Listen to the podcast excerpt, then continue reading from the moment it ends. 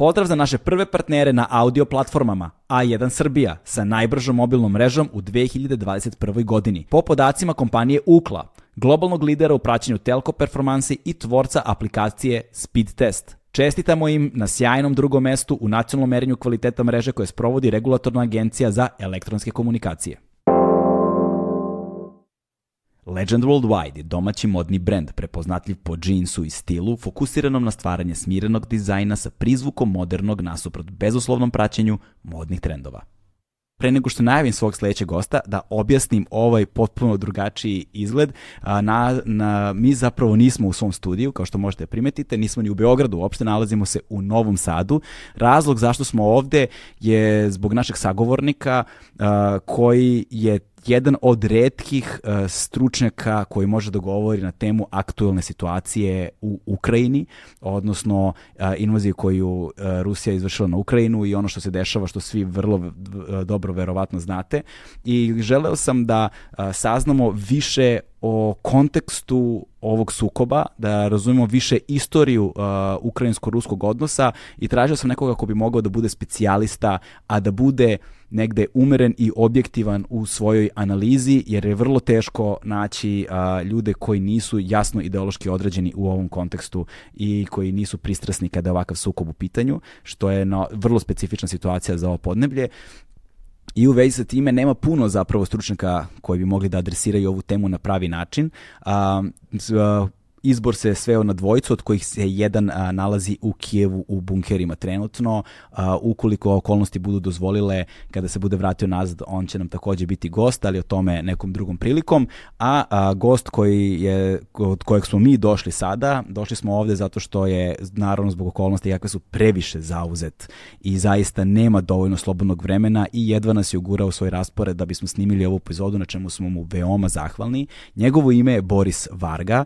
On je novinar i politikolog, doktorirao je na Fakultetu političkih nauka u Beogradu, usavršavao se um, u Ukrajini, govori ukrajinski i ruski jezik i stručnjak je za um, istočne, jugoistočne i istočne evropske narode i njihove međunarodne odnose, tako da je zaista neko ko može i ume da govori o ovim temama naširoko i duboko i da razumemo ozbiljnije malo prirodu uh, ukrajinsko-ruskih odnosa kroz vreme od drugog svjetskog rata, pa čak negde od kraja 19. veka na ovamo. Dakle, moj sledeći gost, Boris Varga. Uživajte.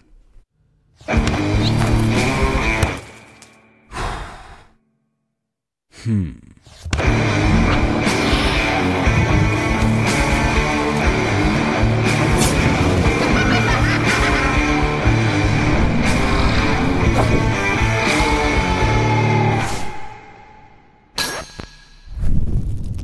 Borise, zdravo. Zdravo. O, hvala ti puno da što si u ovom svom ekstremno zauzetom rasporedu izdvojio ovo ne tako malo vreme da porazgovaramo o aktuelnim temama i hvala ti što si nam ne samo oslobodio raspored, nego znam da je broj ljudi koji su stručnjaci zapravo da, i koji su pozvani da govore na temu Ukrajine ekstremno mali, nažalost, a, u Srbiji i prevashodno zbog toga što je ogroman procenat onih koji su navodno stručnjaci ideološki određen, što je problem u startu, a druga stvar je što Ukrajina zapravo nikome nije bila toliko zanimljiva do skoro, kada govorim posljednjih, do posljednjih desetak, osam godina, na primer, ovaj, i nisu se ljudi specijalizovali kada je Ukrajina u pitanju. A, stručnici na koje sam nailazio su vremešni ljudi koji nažalost nisu zdravstveno sada sposobni da gostuju u ovakvim formatima i da a, govore o stvarima koje znaju. Tako da su preostala dvojca a, koju, koji su mi preporučili sa različitih strana, a jedan od vas dvojice je u Kijevu trenutno. Tako da ti si jedan od redkih... U skloništu. U skloništu je u da. Kijevu a, i, ovaj, i ti si sada, koliko si zauzet reci mi? Pa pre svega možda bih trebao da kažem privit i đakuju na ukrajinskom. Zdravo i hvala na pozivu. Pa baš smo zauzeti. Uh, svi koji rade ovu temu, uh, mislim da se maksimalno prati. Evo ja poslednjih noći spavao sam po nekoliko sati, gledam da spojim, uh, da se odmorim, ali i taj odmor veže me ne samo profesionalno za Ukrajinu, već i lično emotivno, uh, pošto sam ja tamo bio na studijama i imam prijatelje. Mm -hmm. na sličan način kao što oni sada beže iz svojih gradova i mesta, 94. sam ja uslovno rečeno bežao iz Srbije, iz SR Jugoslavije i od vojske i otišao sam na studije s obzirom da mi je poreklo iz tih krajeva, iz, iz Ukrajine. A, imao sam mogućnost kao dijaspora da studiram u Lavovu. To mm -hmm. je Lviv ili Lemberg. Na raznim jezicima, obično neko slom jezik, ne kaže Lviv. Lavov na srpskom. A, reci nam onda nešto više zapravo o sebi. Ti si politikolog, a, novinar, a, u nekim slučajima analitičar, nezavisni istraživač. A, školovao si se na Fakultetu političkih nauka ovde, je li tako? Da, to je zadnja škola uh mhm. -huh. u Beogradu. Sam doktorirao, završio na Fakultetu političkih nauka. Na čemu si doktorirao? Uporedni sistemi na Ukrajini. Na Ukrajini. na čemu bi? Uh, upravo uh, moja tema je Noćna mora Putina, to su šarane revolucije. Nadajmo se da ćemo se uskoro prisniti te šarene revolucije. Šta su šarene revolucije? To je takođe zanimljiva tema. A, mi smo ih definisali u doktorskoj disertaciji kao izborne revolucije, ipak je to nekako naučno-školski mnogo korektnije, da koristimo is, kao mm -hmm. sinonim i, i taj termin. I to je jedan proces uh, gde se diktatore ruši na izborima, odnosno svi ti diktatori oni samo održavaju kvazi uh, izbore, to, to je samo teatar i onda tu nastupa a, razni a, e, mehanizmi, postoje razni mehanizmi, ja sam ih istraživao a, i u pomoću tih mehanizama se uklanja te diktatore i mm. to je jedan zapadni izum ovde uh, i tabloidi i, i predstavnici teorija zavere vole da, da govore da je to CIA izmislila. Međutim, ako pitate naše otporaše, onda oni će vam svakako reći da su to oni ispekli mm -hmm. taj zanad i da su srušili 5. oktobra Miloševića, jer i to je bila šarena revolucija, odnosno izborna. A zašto šarena? Pa zato što su ti demonstranti imali šarne boje. Znači, u cilju je bilo da, je, da se to pacifikuje, da, da je to hipi revolucija, da, mm. da se izbegne maksimalno nasilje. To je revolucija koja je bez nasilja, što je oksimoron. Jer svaka revolucija cara odmah. Nažalost, nažalost. Sada da. ne upotrebljavam tako ovaj, ne. grube reči, ali uh, ovde car silazi sam pod pritiskom, malo se ljuti. Mm -hmm. uh, malo ali je po, postoji i, i, i, i drugi, drugi, druga strana te monete je da onda ti diktatori ostaju pa, pa nam se vuku kao repovi. Uglavnom, tema je, su izborne revolucije u bivšim socijalističkim državama i stvarno je to nešto što me je veoma interesovalo i, mm. i tako sam u, u Beogradu završio kod fantastičnog profesora Teokarevića koji mi je bio mentor i, i gde sam završio E, te studije. Nisam siguran da ako bih danas predložio tu temu, da bi bila na FPN prihvaćena, izvinite na digresiji. Uglavnom, to je jedan uh, povezan sa ovom temom i sa ovim ratom proces. On je počeo u Slovačkoj, Mečijara, velika mobilizacija mladih ljudi, birača, veselih kampanja, rok izbora, Kada? uglavnom 97. 98. Mm -hmm.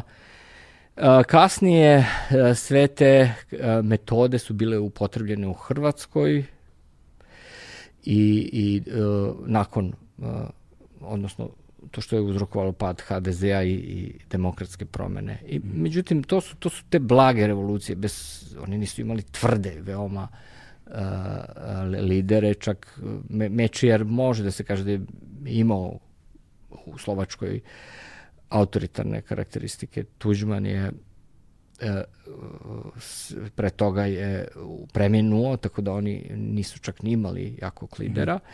Međutim, 5. oktobar je bio tipičan primer i tu se kalio čelik. Može se reći. Da, i e, da li je to Zapad prigrabio kao svoj brend ili su otporaši uzemno je verovatno to, mada treba ceniti. Ja bih rekao da je to e, srpski brend, zato i Rusija dolazi sa raznim papirima tu a, kako bi se borila protiv šarenih revolucija, jer a, a, Srbija je stvarno tlo gde je izmišljena ta s, a, partizanska nova a, borba, ma koliko su se svi trudili da je omalovaže, da i predstave predstave te e, tehnologije, metode kao neoliberalne, kao bože, kakva je bila definicija uh, janičari globalizma, negde sam pročitao za otporaše koji idu u Ukrajinu, u Gruziju, Ne. U Belorusiju, u Kirgiziju. Ali stvarno mislim da bi Srbija više trebala biti ponosna ne samo na 5. oktobar, nego na sve te ljude e, koji, su, koji su u otporu i verujem da oni ne gledaju spokojno na sve ovo što se dešava u Ukrajini. To je jedna stvarno duga, duga priča. To je disertacija i tu su, tu su zaključici šta je dobro, šta nije dobro u tim mm, mehanizmima, ali svakako da priželjkujem da se taj uh, ta grudva snega kako je krenula znači Slovačka, Hrvatska, Srbija, Gruzija 2003. U, to je revolucija ruža u Gruziji, Sakašvili, dolazak Sakašvilija, uh, u 2004. je bila naranđasta revolucija u Kijevu, uh, Juščenko, onda smo imali revoluciju Lala, to je već malo zaboravljena u Kirgiziji, u Kirgistanu, u centralnoj Aziji, a, tu je srušen svakako Akajev, Askar, pobegao je u, gde bi? U Moskvu. Da, da, da, naravno. I uh, ta grudva snega zaustavila se u Uzbekistanu, u Belorusiji i u Azerbejdžanu. Ali najkrvavije je bilo 2005. 6. u Uzbekistanu kad je, kad je bio taj uzbekistanski čuveni masakr. Uh, I tu više niko se nije odvažio na postsovjetskom prostranstvu da organizuje slične. No, imali smo izlete uh, i, u, i uspehe uh, u nekoj obnovljenoj šarenoj revoluciji u Jermeniji i bila je jedna revolucija koja nije uspela, a veoma slične metode je koristila tu i u Belorusiji 2020. Mi sad vidimo posledice svega toga, tamo traje represija i meni je šteta što mi malo o tome govorimo u našim medijima. Tamo svaki dan je godinu i nešto dana neko nestajao. Ljudi su isterani iz, iz zemlje. I ako bismo pratili Belorusiju, nama bi bilo jasno na šta će se odvažiti Putin. Mhm. Dakle, to je ono što mislim da bi trebalo da bude barem prva polovina našeg razgovora, centralni deo, da razumemo kontekst a, rata u Ukrajini i da razumemo kontekst celokupnog sukoba za koji ljudi govore da je počeo, ne znam, 2014. godine sa Majdanom ili, a, ili ono što je najveći broj slučajeva, ljudi jednostavno nemaju dovoljno informacija, ne razumeju dovoljno duboko kontekst, ne razumeju dovoljno duboko istoriju odnosa Ukrajine i Rusije, prevashodno, ovaj, i tih svih spoljašnjih faktora takođe i okolnih dešavanja koje su uticala na formiranje ovog trenutka sada. Uh, I naravno ono što je hroničan problem sa medijskim sistemom generalno danas nemaju izvore kojima mogu da veruju i koji se drže negde objektivno je možda teška reč, ali da kažemo umereno barem koliko je to moguće. Previše izvora, previše površnosti, mm. gubljenje konteksta, ono što, što vi tu radite, što ti radiš, ima dovoljno prostora da se, da se uđe u kontekst i da ga se objasni, da ga se dotakne. E, to. Ako bismo, aj samo da završimo sa, to, sa, da. sa tvojom biografijom. Dakle, ti 94. godine odlaziš u, u, uh, u Ukrajinu? Da, da. To 94. Uh, odlazim u, u Ukrajinu, tu završavam fakultet uh, novinarstva i međunarodnog novinarstva, magistriram 2000. i uh, imam planove da se ženim. Ali kao i svaki, svako ko živi na ovim prostorima ima neki obrt u svom životu. Moj je bio tada tog uh, početkom novembra, ne znam da, da sam uh, kupio kartu kad je preminuo Milan Mladenović, to je bio taj dan. Nekako, tako mi je ostalo ovaj, u sećanju. I to je bio stvarno jedan, jedan obrt u mom životu. Mm, Ja sam ušao u, u jednu postsovjetsku državu, sivu, koja je ušla u krizu, gde su plate bile 10-20 maraka, da smo imali marku, jel? Da. Koja je isto vredila kao sad evro. Bio je strašan kriminal, bile su bande po gradovima, kao ovim Carpenterovim uh, horror vizijama Njujorka. I to je trajalo nekoliko, nekoliko godina. Mi smo se navikli ovaj, do 8 sati vraćati kući. Ne znam šta je gore posle 9, ako se zatekneš, da li će da te za, zaustave neke, neke bande da traže od tebe para i da ti skinu jaknu, da te prebiju. Ili je to policija koja sumnja da si se napio Mm. i oni imaju to diskrecijno pravo da te kupaju tamo crevom. Da, da, da. I ti sve uzmu. šta, sve, sve zvuči do, su, previše slično onome što smo živjeli u to vreme i ovde, znaš. Da. Nažalost. E, Nasilje e, prema građanima, ali, ali, ali e, na svoj način. Jel? To je s- stvarno ta jedna... Kako, izvini što te prekinem, kako se govorilo u to vreme kod nas, prvo te biju pa traže ličnu kartu. Tako je, tako je. Slobova policija je Slobina bila ta. policija je bila Tako ta, je. da. Uglavnom, ono što, mi smo se pobunili protiv tog sistema koji, gde, gde je država bila koruptivna i represivna, Kučma je zavladao proruski oligarhijski ovaj, predsjednik i napravili smo prvi nezavisni radio inicijativa a 98. 99. koji je radio 2000. 99. 2000. I to je bila prostorija možda trećina od ove gde smo sada jako mala, ali, ali smo imali uspeh jer smo takođe kao jedan mali pobunjeni radio uspeli da, da pozovemo ljude na demonstracije. Napravili smo 99. 2000. prve demonstracije protiv uh, uh, medijske, protiv gušenja slobode govora. Uh, svi smo tamo izašli na proteste, u ponoć smo, ja sećam se ovih prvih demonstracije tamo u ponoć je trebalo da nastupamo nas nekoliko i do kraja u strahu ostalo nas je tri govornika i jedno desetoro ljudi od toga petorica u kožnim jaknama. ja sam tada bio siguran da ćemo biti tuširani svi, ali nije se to dogodilo. Dogodilo se to da je taj uh, radio stvarno bio jednog jednog uh, umetničkog formata, čitalo se drame, poeziju. Ja čak, čak nisam ni video negde toliko otkačen uvrnuti format kao radio inicijativu i napravili smo dobre odnose sa Beogradskim B92. E sad da se vratim jedan korak, Uh, ja sam bio inspirisan uh, demonstracijama 96. 97. Studentskim, da. studentskim u Beogradu i htio sam da, da, da budem na praksi uh, u, u B92 dvojci. Uh, uspeo sam tokom leta 98. kada se kada je počinjao rat na Kosovu imao sam stvarno uh, odlične pozitivne uh, utiske i, i od toga kako mediji rade u, u, jednoj Srbiji koja je bila pod, pod takvim diktatorom Mm. i, i inspirisan time uh, pokušavao sam to da prenesem u, u Lavu, u Ukrajinu A1 je prvi prijatelj audio izdanja Agelast podcasta.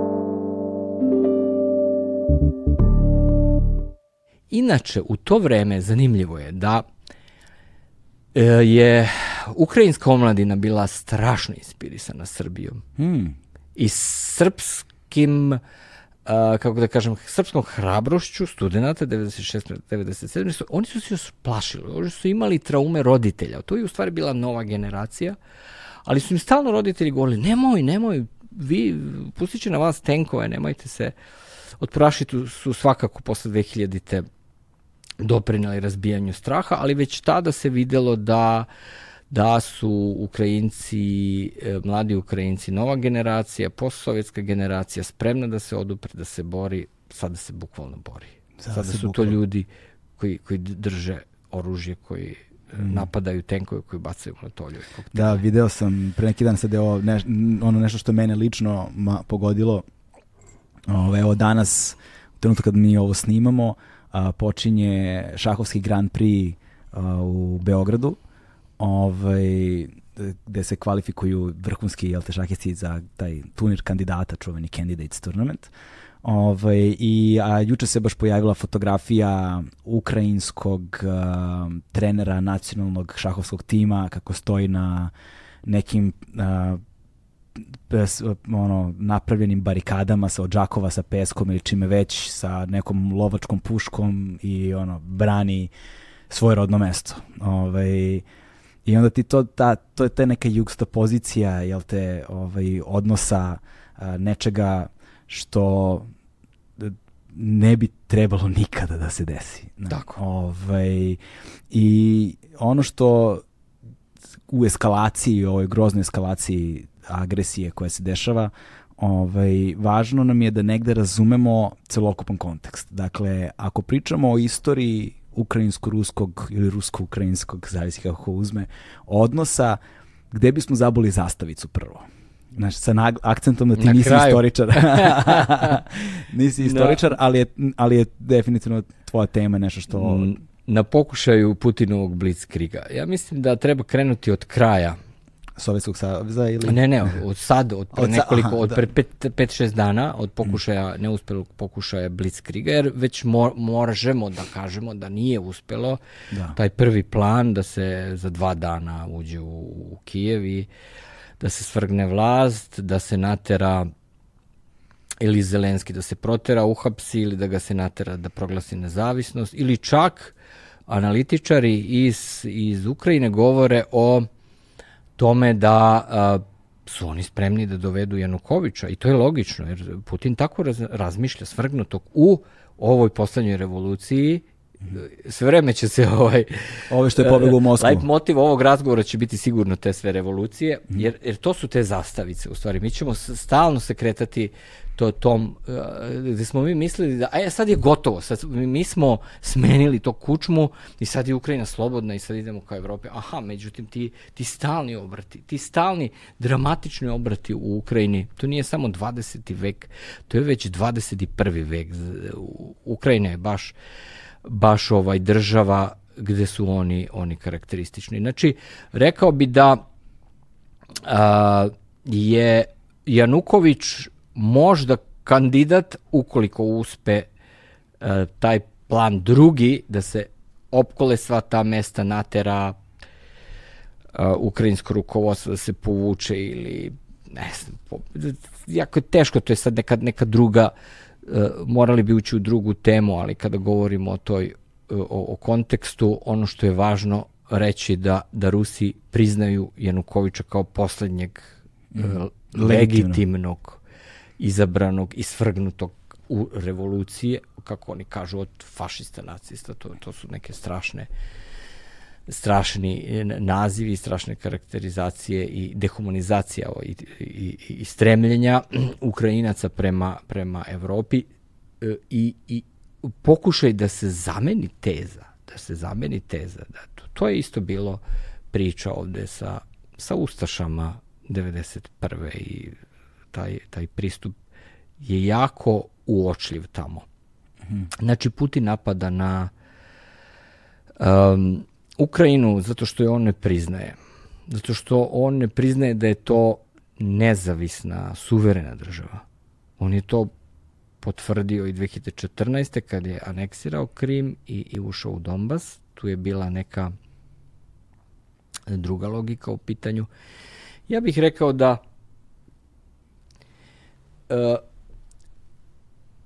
napad Putina na Ukrajinu je kraj postkomunističke Evrope. Traj, kraj tih tre, te, tri decenije e, tog perioda, mi imamo novu jednu stranicu, on ne, ne priznaje ukrajinsku naciju, on misli da je to izmišljeno, da je to negde stvoreno, čak e, ko je slušao njegov govor, istorijsko to e, predavanje, strašno predavanje i e, mogao je da, da nasluti da će on e, krenuti u, u, u jedno uništenje nacije koje on ne priznaje. I rekao bih da uh, 2000. godina i njegov dolazak je neka konstanta podcenjivanja Ukrajine kao, kao države. Mada u početku to nije bilo vidljivo. To je taj KGBistički, on izlazi iz tih struktura, on je do kraja u tim strukturama i on je sad pokazao koliko su one žive u stvari. Te strukture su u stanju da nam razore domove, da izazovu rat koji je daleko širi od ovog što je što se dešava u Ukrajini. To može da se da se reflektuje na razne načine i na Balkan i na Evropu i mi ćemo već posle toga imati jednu gvozdenu, gvozdenu zavesu sa, sa Rusijom. Sumnjam da će biti taj period, ako kažem da je to kraj postkomunističke Evrope, gde se radilo po principu i rat i brat. Malo ratujemo, malo trgujemo, malo ratujemo. Malo. A zašto kažeš kraj, po, zašto kažeš kraj, pom, kraj postkomunističke Evrope? Pa postkomunistička je recimo ajde, od raspada Sovjetskog saveza 91. Mm -hmm. do 2022. sada. Znači to, to je ti tri decenije gde je da, svako sada, da, negde sada. sebe tražio. Sada je jasno mm da je Evropa podeljena u sferama. Hmm. O, ovde bih samo stavio kao neku ono mentalnu zapisku za kasnije u razgovoru, pošto mislim da su to teme koje nam dolaze kasnije, da, ne, da, da, da, da. da, ih, da ih ne preskačemo. Dakle, to aneksiranje Krima koje se desilo jel, 2014. A, ovaj, takođe, um, ovo što si pominjao, ovo što, ovo što si pominjao malo pre u tom kontekstu, ali i, a, prelivanje dakle, van Ukrajine na balkanske narode, na potencijal dakle, eskalacije sukoba i da vidimo koliko su to objektivne stvari, koliko su te pretnje realne i da li uopšte uh, njih treba uzimati u obzir na neki ozbiljniji način ili ne, da li one zaista mogu da se preliju u tom kontekstu na uh, kritične regione i, i potencijalnu eskalaciju sukoba, što kažeš na Zapadnom Balkanu, odnosno kod nas ovde ili na nekim drugim mestima, ali bih volila pre nego što uopšte dođemo tih tema, jer tu će nam onda biti značajno da govorimo jel te i o a, Ukrajini njenom pokušaju ulaska u NATO, a, nedozvoljavanja zapravo da NATO postavi svoje na granicu samo sa Rusijom, pa sa flotom koja se nalazila tamo, jel te, gde su aneksirali Krim i tako dalje. Ovaj, ali me zanima još dublje razumevanje tog ukrajinsko-ruskog odnosa istorije tog odnosa, istorije tog sukoba, istorije tog konteksta, kontekst tog sukoba. Pa evo, idemo polako. Da, idemo, znači, da, da. dolazak Putina je u stvari eh, jedan mnogo, mnogo, kako da kažem, suroviji pogled na Ukrajinu i mi smo bili svi svesni još 90-ih dok sam ja bio tamo. Ja u početku nisam verovao. Mislio sam da je to neka postsovjetska paranoja koj, o kojoj govori roditelji mojih e, drugara, mojih e, vršnjaka na studijama. Rusija nas ho, želi da uništi Ukrajinu. Želi. Kako da uništi? Kako sad to? Međutim, vremeno sam ja video da je to stvarno to i mi sad da gledamo sve ovo što se, što se dešava i odigrava. A, e, problem je u tome što e, je, e, kako da kažem, Ukrajina verovatno rusko-ukrajinski odnos, kako si rekao, je poslednji kolonijalni odnos u Evropi. Mm -hmm. Znači, ako ti nekog ne priznaješ, ako si ti nekog u stanju da okupiraš, ako, ti, ako si ti nekom u stanju da, da misliš da možeš da namećeš želju, pogotovo državi Ukrajine, ne pričamo o državi koja ima, ne želim da pocenjujem ni jednu državu, ali ovde se radi o teritorijalno i brojčano jednoj od većih država Evrope. To, da, to je 40 miliona. Stvar. To je ozbiljna stvar. Ali tu se radi i o dva koncepta. Da Ukrajinci žele da se otrgnu od ruske dominacije. Mi imamo tu jednu priču koja je sad eskalirala, koja je trajala od drugog svetskog rata, od hladnog rata. Mi smo imali polako ulazak ruske vojske u Budimpeštu 56. 68. 91. potiskivanje. Svaka ta pobeda Rusije bila je uvod u, sled, u sledeći poraz. Znači, ovo je sigurno uvod u novi poraz Rusije. Uh, ukrajinska i ruska ideja najviše su se sukobili da smo jasni, sve te nacionalne identitetske e, e, diferencijacije i krize su počele u 19. veku najviše, mislim, kraj 18. To je uopšte, a, što, što bi se reklo, ovaj period stvaranja nacija, Nakon država, revolucije tako zapravo, je, da. Tako je. I tu mi imamo tu diferencijaciju, tu se rađuju ti prvi uh, nesporazumi, ali Možemo kontinuitet je isti. da. Ševčenko koji je uh, pisac i slikar, koji je simbol ukrajinske nacije, jeste bio rob, jeste bio rob kupljen od strane, oslobođen od svojih uh, kolega? I on i dan danas simbolizuje taj odnos, ne samo kolonijalni, vidimo rabovlasnički odnos prema, prema Ukrajini. Eto, to je mali izlet, uh, možda više slikovit, a, ne znam koliko ima potrebe ulazite u, u drugi svetski rad, jer ja tu i sam uh, u, više puta ulazim u, kao ja sam levičar po ubeđenju da. i um, ne da nisam inspirisan uh, idejom ukrajinskih, organizacijom ukrajinskih nacionalista, već mislim da, da je uopšte štetno pozivati se, to su kolaboracionisti, Pa da, to, to, je, snage to je, to je jedan od glavnih narativa Tako je, proruskih. Da. da, da, da, to, to što uh, govori Putin o denacifikaciji i demilitarizaciji, to su veoma opasne stvari. Uh, drugi svetski rat, organizacija ukrajinskih nacionalista, Stepan Bandera, će uvek biti izgovor za sve ono što Putin sada želi da uradi sa Ukrajinom. I ja bih rekao da iako je rastla ideja ukrajinskog nacionalizma, ona nije bila ni blizu uh, te malignosti kao što su te ideje bile na Balkanu. Reću vam i dokaz svega toga. Porošenko je pregrlio malo tvrđu uh, nacionalističku ukrajinsku ideju, izgubio je izbore. On je računao da će dobiti. Na identitetskoj na identitetskim temama, kao i Milo Đukanović. Oni da su malko više pratili jedan drugog, možda bi ostali na vlasti. Crkva, pitanje crkve, nije dalo željeni rezultat Porošenku. On je dobio 20 i nešto posto, dok je Zelenski koji je pričao o jednoj uh, drugoj ideji, jednoj drugoj Ukrajini, uh, dobio podršku, ogromnu podršku. I šta to govori o Ukrajini? To govori koliko je Ukrajina heterogena. Neko bi rekao, da, to je Ukrajina koja će se raspasti, koja nije ništa, koja je sintetička. Pa hajde tako da kažemo, meni je drago što je Ukrajina sintetička i ja se osjećam, ako, ako je to tako, ako je to uvreda, onda je to kompliment. Ja se osjećam um,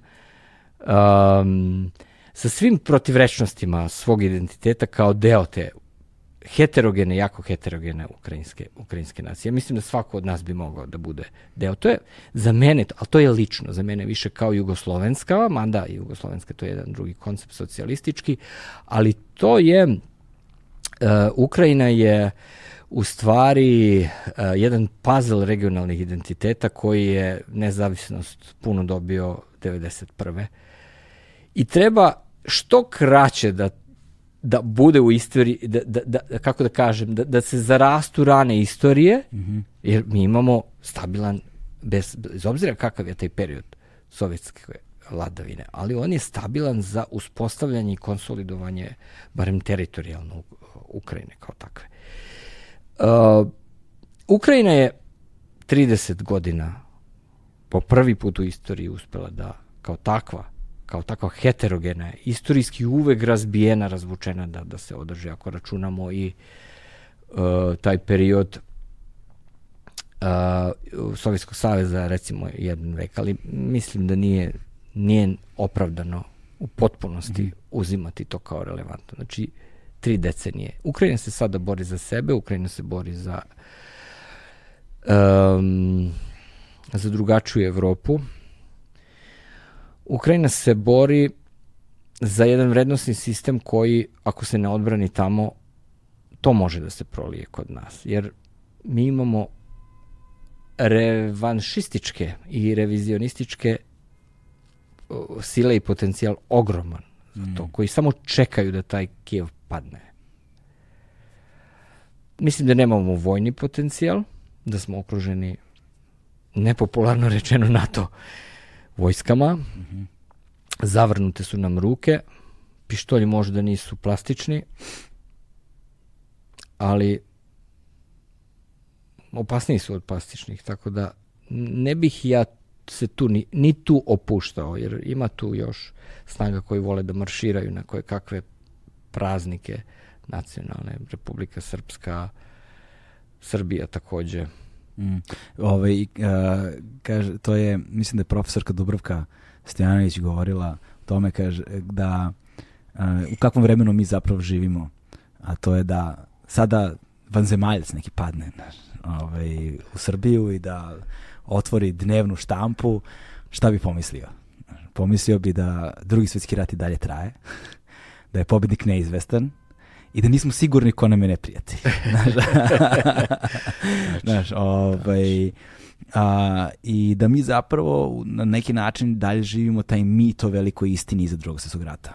Ovaj, I da nismo rešili pitanja toliko stara, a otvarala su se nova kroz vremena u kojima smo uh, živeli i kojima živimo danas i da je negde, možemo slobodno reći, identitet uh, bivših republika uh, a, izgrađen na nekakvom antikomunizmu. Znaš, iako taj komunizam više ne postoji, ovaj, dobrih 40 godina, ovaj, taj bauk komunizma neophodan ovaj, da bi gorela ta nacionalistička vatra u velikoj meri. I brojni ljudi, nažalost, ne razumeju da taj, neoli, taj isti gore pomenuti neoliberalni ovaj, kapital ide ruku pod ruku lepo sa nacionalizmom. Odgovaram mu to savršeno. Savršeni par. savršeni par, savršeni par. Ovaj, ali to su sad neke druge priče. Da. To je samo u kontekstu... Mada, da, dotiče se svakako. Da, da to. Ovaj, a, da se mi vratimo na Ukrajinu, jel te? Da. A, da se vratimo na tu Ukrajinu posle drugog svjetskog rata. Ovaj, I tu Ukrajinu koja se stvara odcepljenjem, jel te, raspadom Sovjetskog saveza tamo 1991. godine.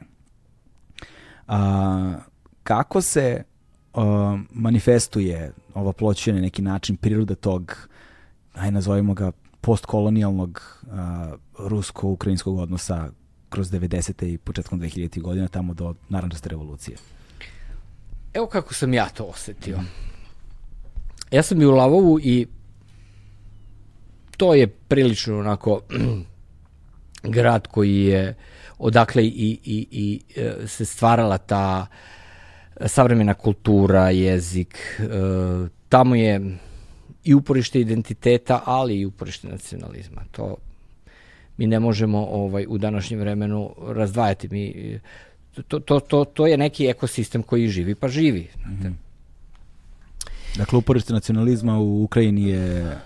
Pa, ne, ne bi, ne da. bi preterivao, ali da, da, da. Mislim da je mnogo važnije reći da je uh, Lavov bio početkom 90-ih epicentar savremene ukrajinske kulture. To je najvažnije. Aha, okay. Koja se oslanjala na, na proevropsku ideju, na savremenu muziku, savremene pise. I uh, imao sam prilike, znači preko tog radija, kako smo pričali, inicijativa, inicijativa. Da. i, i preko prijatelja, da uh, upadnem u ekipu koja u stvari je istvorila tu to su bili neki, kažem, opet naši vršnjaci možda malo stariji, kao što je Juri Andruhović, najpoznatiji pisac, mi smo bili po istim klubovima, kafanama, to su bile zatvorena mesta, jer kako kao što sam rekao, bilo, opasno je od, od uh, mangupa i džeparoša, tako da si mogao da uđeš u, u, u te umetničke klubove i zajednice samo sa propusnicom. Tu su bili koncerti, jazz koncerti, predstave, performansi, izložbe. Kako to Odatle, fantastično. Kako to funkcioniše na tako velikom broju ljudi, to hoću da kažem. Ipak je uh, mnogo ljudna zemlja. pa, mo, možda sad preterujem da je bio samo Lavov. Ne, ne, tu je Ivano Frankiv, svakako i Kijev. Ali Lavov je gurao tu ideju I iskreno ja tada 90-ih nisam ni primetio te silne nacionaliste.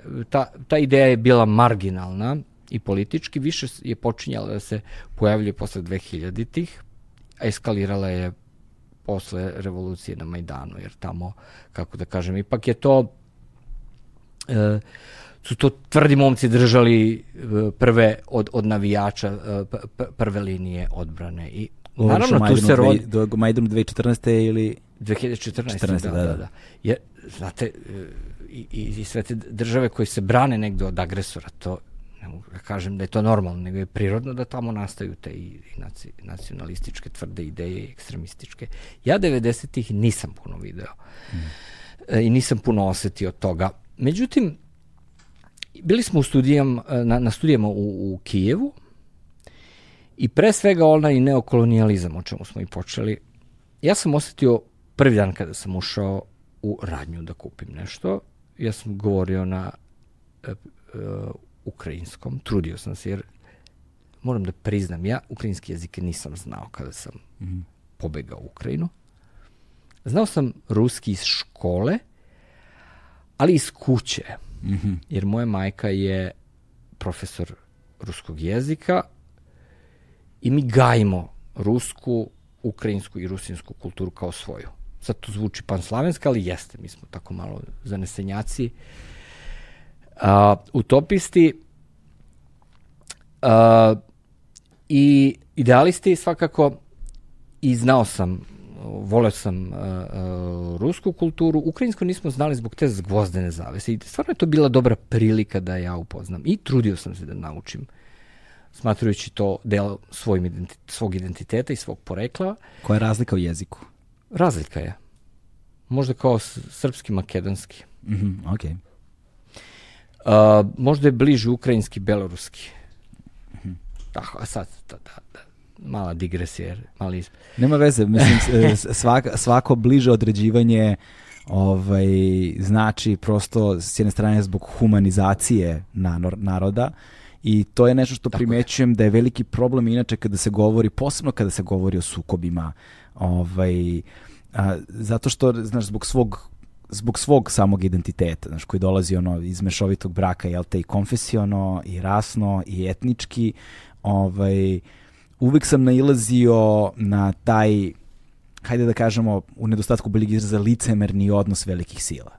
A, s jedne strane mi govorimo o, o agresiji i napadu jel te, Rusije na Ukrajinu, znaš, dok se paralelno u svetu dešavaju brojne druge stvari. Imamo sukob u Jemenu koji je evo mm. 10 godina sukob u Jemenu. Imamo, moj otac je iz Somalije, evo sada je Somalija napadnuta ponovo e, drugi put od avgusta meseca jel te, sa dronovima je bombardovana, bombardovana je dronovima. Imamo sukobe na Bliskom istoku koji su poznati onoliko i sve se to dešava dok se dešava jel te celokupan sukob u Ukrajini. Evo dešava se sada ukrajinska kriza uh, izbeglička ukrajinska kriza gde imamo nekih koliko pola miliona izbeglica na granicama sa Rumunijom, Poljskom, jel tako?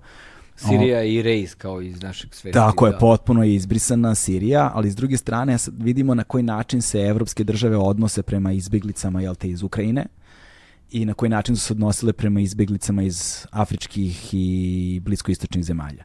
I ne možemo da propustimo uh, i da prenebregnemo razliku, tu drastičnu razliku u odnosu.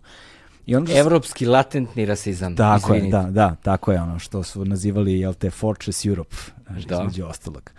Um, I problem koji sam uočio u velikoj meri kada govorimo o tim odnosima, kao što je recimo kada su bili teroristički napadi u Francuskoj, od Charlie Hebdo do Bataclana, jel te, i tako dalje, kada su ljudi a, na društvenim mrežama menjali boje svojih profilnih fotografija u zastavu Francuske, na primjer. Ovaj, gde se 24 sata kasnije desi Boko Haram, jel te u Nigeriji, niko ne promeni nikakvu boju profilnog, profilne fotografije. Dugo sam u životu proveo vremena razmišljajući o, o razlozima za tako nešto. Ljudi su ljudi, zar ne bi trebalo ta vrsta empatije da postoji. Ali onda sam shvatio da se empatija ne dešava tek tako. Znaš, empatije nema bez identifikacije. Dok, mi, dok se mi ne identifikujemo sa nekom kulturom, sa nekim narodom, mi ne možemo ni da re, stvorimo empatiju prema njima. Oni će onda uvek biti oni drugi sa velikim D. Tamo negde daleko, neki drugi. Nisu nešto, naši. Nisu naši, nešto što se nas ne tiče. Znaš, s druge strane i ta Francuska a, i, i, i ta Ukrajina su nam ne samo teritorijalno bliže, nego istorijski su nam bliže, kulturološki su nam bliže. Postoji prožetost a, naroda kroz vreme koji su uticali na kreiranje kulturnih tačaka identiteta zahvaljujući kojima možemo da izgradimo taj empatski odnos. Kada je goreo Notre Dame, koliko je samo taj Notre Dame prisutan u našoj umetnosti, književnosti, istoriji, savremenoj kulturi, mainstreamu, pop kultur, kulturi, znaš, gore, kada gori Notre Dame, gori jedan veliki deo našeg identiteta, istorije našeg identiteta. Ali kada gori neka najveća džamija u tom trenutku, koga briga? Strašno. Na, e, Strašno. ovaj, i zato m, uh, u kon konkretnom kontekstu Rus rusko-ukrajinskog jel te sukoba, odnosno agresije Rusije na Ukrajinu, a, važno je upravo to, na izgled male i nevidljive stvari koje nazivaš digresijama, ali zapravo daju na upotpunjavanju jedne humanističke slike, znaš, humanizacije jednog naroda koji prestaje da postoji samo pod ono plavo-žutom bojom i jednim imenom Ukrajina i sve u isti koš. I kada smo gledali sukobe na Majdanu, to je ono što mi je zanimljivo u kontekstu kreiranja tog, te, tih na, ekstremnih nacionalnih struja, jer je Ukrajina e, i, i verski i etnički prilično podeljena u tom kontekstu. Heterogena. Heterogena, da. Čak. Da. Jer nešto je podeljeno kada imate da. Barem dve, ali kad, kad vi imate e, prilično onako raznobojnu Pa to sam mislio, da raznovrsnu, da, da, da, da, da, Da, da, da, da. Prilično ravnopravno zastupljenu, raznovrsnu, ono i muslimanski, pravoslavni, i jevrejski, i on, baš ih je dosta, kako se kreira jedan ekstremni nacionalizam u tom kontekstu, ono, kao jaka A upravo to, uh, ja bih rekao da uh, tu smo posle, da, ali nisam završio ono s radnjom. Da, da, može se, aj, izvini. Uh, u Kijevu ušao sam u radnju i uh, kupujem nešto hleb i, i tražim i ovo što prodaje pravi se da me ne čuje i, i onda o, ovako neljubazno jako mi to daje i onda me pita da li ste iz nekog sela ili ste iz dijaspore. I ovi se smeju moji, pardon, e, e, drugari. I to je bilo jedan put, dva put, tri put, pet puta. Ja kažem, ste vi gosti u svom glavnom gradu, ljudi? Pa da, mislim, mi znamo statistika, 70% je pričalo ruski, 30 ukrajinski. I to jesu frustracije koje su ohrabrivale te nacionalističke snage. A sada da se vratimo kako može da cveta uh, jedan nacionalizam, čak i ekstremni, u tako heterogenom i tako raznobojnom, raznovrstnom društvu kao što je ukrajinsko. Pa, može, ali opet na izborima je pokazao uh, kako da kažem, e, da je izgubio. Znači, Porošenko je bio simbol, recimo da je on generalizovao te, te, ta sva raspoloženja, ipak se pokazalo da je mnogo raznovrsnija e, i složenija Ukrajina nego što, što se to činilo možda nekim snagama koji su hteli da pojednostave Kao što to celu tu biva. priču. Da, meni je zanimljivo jedan moment koji se sada desio nakon Majdana i nakon aneksije Krima, a to je da recimo do Majdana i dugo, još dok sam ja 90-ih bio u Lavovu, osetila se malo ta anti-islamska, a da, kod vas je Kosovo, ti muslimani žele da nam ugrožavaju nam Evropu, to, ali to moramo da shvatimo da je to, to svugde na toj našoj uh, evropskoj uh, uh, karti, u svakoj državi ta ksenofobija, uh, ta zatvorenost postoji. Ali to se podgrevalo i svi su mi govorili taj Krim, to je toliko opasno, to je, evo vratilo je Kravčuk 200.000 uh, krimskih tatara muslimana u I kad sam ja video koliko je to posto, to je nešto jako malo posto. Vi vidite jedno uveličanje tog, tog problema. Mm. I, I mislim da je Rusija jedno vreme išla da preuveliča taj problem i da napravi kosovski... Narativ. Mislim da se... Tako je. I, i da, da napravi taj kosovski čak i, i iz narativa i problem i da recimo sa međunarodnom zajednicom da se napravi ta, ta razmena. U redu mi ćemo ovaj, tolerisati to što ste vi uradili sa Kosovom, a mi ćemo sada vratiti ono što je Hruščov pripojio 50. godina Ukrajine, Ukrajini Krim. Da, da su to neke opcije bile na stolu i u fiokama jako dugo, još od 91. Znači sve se... Vi vidite, dok mi pričamo, mi sve vreme pričamo o nekim stalno varijantama negiranja nacija, negiranja granica, negiranja Znači, sve vreme se dolazilo do toga samo što niko nije mislio da, da, da će se to završiti razaranjem. Pogledajte, danas, dok snimamo ovo, bukvalno par minuta pre toga gledam centar Harkova kako je razbijen. Pa to je strašno. Odan administrativni raketom što je pogođen, da, je, zgrada. Mislim, ona. I zanimljivo je da je upravo posle uh, aneksije Krima, Ukrajina je taj patriotski deo, prigrlio je krimske tatare kao svoje, politički mu je odgovarao, ali mislim da je to bilo, siguran sam da je to i iskreno jedna briga za krimske tatare, uh, prigrlili su uh, izbeglice i od tada ja bih rekao da je deo ne samo teritorijalno administrativnog, iako je aneksiran Krim, ali i deo identiteta Ukrajine uh, Tataro-Mongol, izvinite, krimsko-tatarski mm -hmm. i, i islamski faktor. I svi drugi uh, ma, i sve druge manje zajednice koje su na, na, na Krimu, što nije bilo 90-ih. Ako smo imali malko islamofobiju svugde, kao što smo rekli, smo imali, tako je došlo do naglog obrta 2014. i ja bih čak rekao da je sada ukrajinski da je sada ukrajinski identitet bogatiji za, za taj još jedan recimo verski, jezički, etnički, krimsko-tatarski. Mm -hmm. I mislim da je to jako pozitivno. I mislim da uz, upravo zbog toga nije moglo da se desi da, da jedan diskurs organizacije, ukrajinske organizacije nacionalista iz drugog svetskog rata, ali ajde da i ja ne preterujem sad da. sa tom idejom. Tu ima nekih e, političara koji bi želeli da taj diskurs e, e, nekako nametnu drugima. Recimo, e, posle Majdana je bio e, jedan proces Lenjinopad, tako se, tako se e, nazivao, ritualno rušenje e, spomenika Lenjinu ali tu nisu došli neki heroji koji su iz različitih perioda i tu, tu je pokušano da se, da se to zameni možda nekim nacionalističkim i to nije uspelo. Ja mislim da je to, to dobro. Ja moram da priznam da sam, i meni se nije svideo Zelenski, jer je on došao izabrani kao u revoltu, kao glumac, ali sada se pokazao u ulozi ozbiljne, u velikoj ulozi se jako ozbiljno pokazao. Tako da. On je tada bio, koliko se sećam, mi smo imali vesti jer se on pojavljivao otprilike u isto vreme kada je kod nas na izborima bio ni beli, ali tako nešto bilo, a? Da, tu se...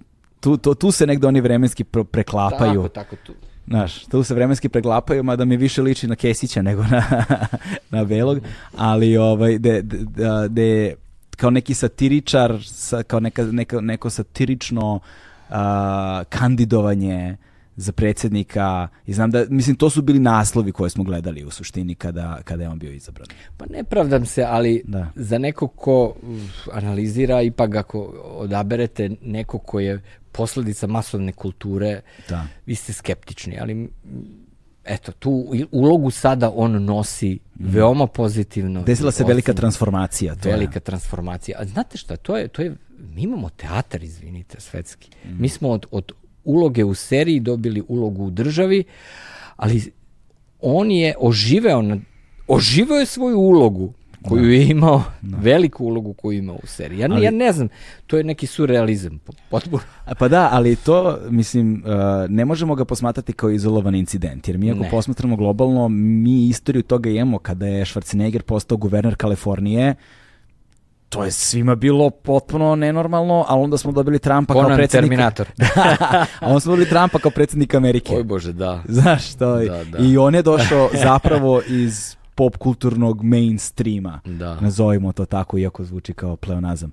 Ovaj, tako da a, imali smo i kod nas eto a, na u predsjedničkim izborima jel te jednu satiričnu opciju za koja nije odnala mali procenat glasova, posebno među mlađom populacijom, koja je zapravo na taj način negde a, čini mi se javno glasno rekla ne sviđa nam se nijedna politička opcija, ne verujemo nijednom političaru i šta više sve doživljavamo toliko besmisleno, absurdno, da je jedina opcija biti absurdan. Bunt, da. I to je, ako, je, a- ako to nije bunt, onda ne znam šta je bunt. Da. Bunt prepoznat onako kako intuitivno, intimno umemo da ga prepoznamo. Sad šta je s time kasnije, bilo koji epilog toga, to je već tragično, tu se desila ne baš tako dobra transformacija kao što imamo u ovom slučaju. Nažalost, pod ovakvim užasnim okolnostima. Hajde sad da se posjetimo malo tom krimu, jel te? A, I za, prevashodno i za mlađu populaciju koja niti je pratila, niti nužno znaju što znači aneksirati nešto. Ovaj, Čapiti. to. Ovaj, koliko veze sad to aneksiranje ima i sa flotama, jel te, koje su tamo i sa, flo, sa NATO-om i tako dalje. Ima sa svime. Um, kratko rečeno, isto, uh, Rusija se pozivala na istorijske neke svoje razloge. Uh, mislim da, da je njima razlog bio uh, da su oni očekivali neki prvi, prvi veći bunt ili prvi neki veći obrt u Kijevu da se aktivira to pitanje aneksije Krima, jer to je bila operacija takođe Blitzkrieg. I siguran sam da je plan A za Rusiju pre nedelju dana, pre šest dana, i zauzimanje Kijeva a, bio isti taj koji je poticao od zauzimanja Krima. Samo što je Krim bio mnogo bolje razrađena akcija bez ispaljenog metka, tako su zvali. Znači oni su se samo pojavili tamo. Ukrajina isto nije verovala, ni sada nije verovala da će Putin da napad. Ma koliko uh, Biden mahao, evo sad, evo sutra, evo ujutru, evo u toliko sati, evo tog datuma. Mislim, to je samo još više ovaj stvaralo nervozu i još više nepoverenja. E, To je isto pitanje koliko mi verujemo svetskim. Ko ima autoritet realni? Ko je komendijaš tu, mislim? Znači, te uloge se stalno zamenjuju. Da li je uh, američki ili ukrajinski? Uh, kome se manje, kome se više verovalo? Ko je, koju ulogu imao kada se je najavljivana uh, agresija i rat? Ukrajinci nisu verovali da će se to desiti. Uh, Rusi su rekli, ne, ne, ne, ne, mi ne napadamo što je bila taktika. Uh, Krim je bio anektiran jako brzo, uh, uspeli su da neutrališu, pripojen je održan referendum. Naravno, pod pritiskom niko nije mogao da se buni, svako ko se bunio bio je uhapšen, zatvoren, proteran. Hm, da. Kršenje ljudskih prava na Krimu su strašna, pogotovo to hapšenje. A ako smo tu oko toga, Srbija je više puta glasala protiv rezolucije, suzdržano protiv revolucije, rezolucije, izvinite, revolucija nas stalno vuče, uh, protiv rezolucije Ujedinjenih nacija uh, osude kršenja ljudskih prava na, na Krimu. Znači, uh, poslednjih nekoliko godina više rezolucija uh, Srbija je pratila Rusiju i ruski diktat i nedemokratske zemlje kao što je Belorusija, uh, kao što je Kuba i Sada, koliko uh, pod pretnjom da možda, eto, ovaj, ispadnem glup, ali prosto uh, moram da pitam, pošto i sam pokušavam da razumem brojne stvari, um, da li zapravo Ukrajina želi da uđe u NATO ne zbog toga što oni vole NATO, nego zato što je to možda na jedan snažan i veliki način uh, odvajanje od ruskog uticaja. Upravo od tog kolonijalnog, dakle da je to zapravo za njih jedan veliki korak ka nezavisnosti s jedne strane. Ali da s druge strane, jedna velika sila kao što je Rusija, ovaj, kao i bilo koja druga velika sila, sad ono, stavi pod, jedna, pod, zna, pod x u jednačini bilo koju veliku silu u istoriji, ne može da dozvoli sebi da se NATO nalazi na njenim granicama, da postavljaju ono rakete na ono pljunometar, jel te, od Moskve, kao što kada su, ne znam, kao kada su Rusi probali to da urade na Kubi, pa je nastala cela kubanska kriza, umalo da izbije treći svetski rat, ili tako?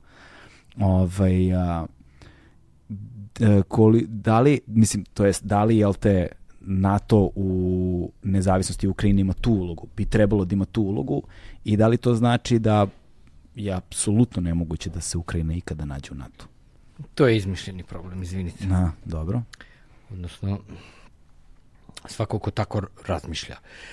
Mislim da je a, preuveličan problem koji je Rusija navela da a, e, ugrožava NATO na njenim granicama, um, njenu bezbednost. Zašto bi neko ugrožavao tvoju bezbednost na granicama? Zašto? Pa Rusija se graničila i tako sa. Mm -hmm. Ne, Rusija u stvari želi raspodelu uticaja, želi da ima države koji će biti njene kolonije, vazali, koji će biti nedemokratske države i koji neće sami određivati svoju spoljnu politiku koja će biti pod diktatom. Znači, to je izmišljen problem. Mm. Naravno, i onda kad vi tako delate, vi to osjećate kao ugrožavanje.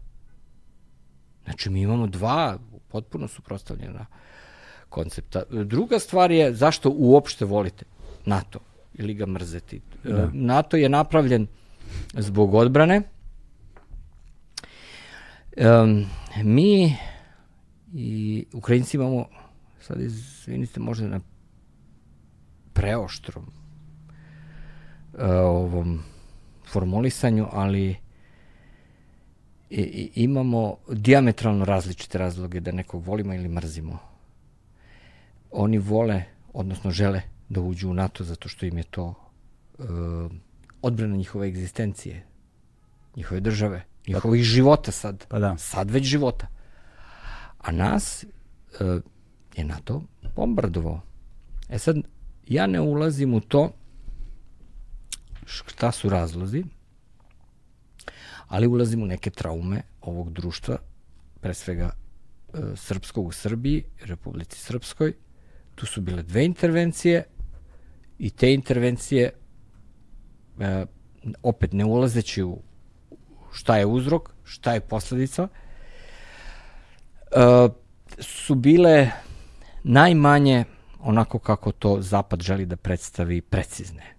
Stradali su i tu civili, ali ne treba bila je uništavana infrastruktura, ali ne treba praviti zamenu teze. Mm -hmm. Ipak je Srbija bila ta koja je posredno hibridnim ratom atakovala i Hrvatsku, i BiH i svoju teritoriju izazvala humanitarne krize i u jednoj i u drugoj državi susednoj. I znači, mi kao društvo ukrajinsko i srpsko nikada se nećemo razumeti. Izvini, molim te. Da, da, slušam. Jer pričamo jednom, da. a, čim se prebacim na te geopolitičke teme, odmah, a, po, pošto stvarno puno komentara dajem po, mm. po medijima, odmah prelazim na vi. da, da, jasno, jasno. Dok pričamo ono uh, o privatnim, pa mi je, pa mi je mm. lakše. Tako da...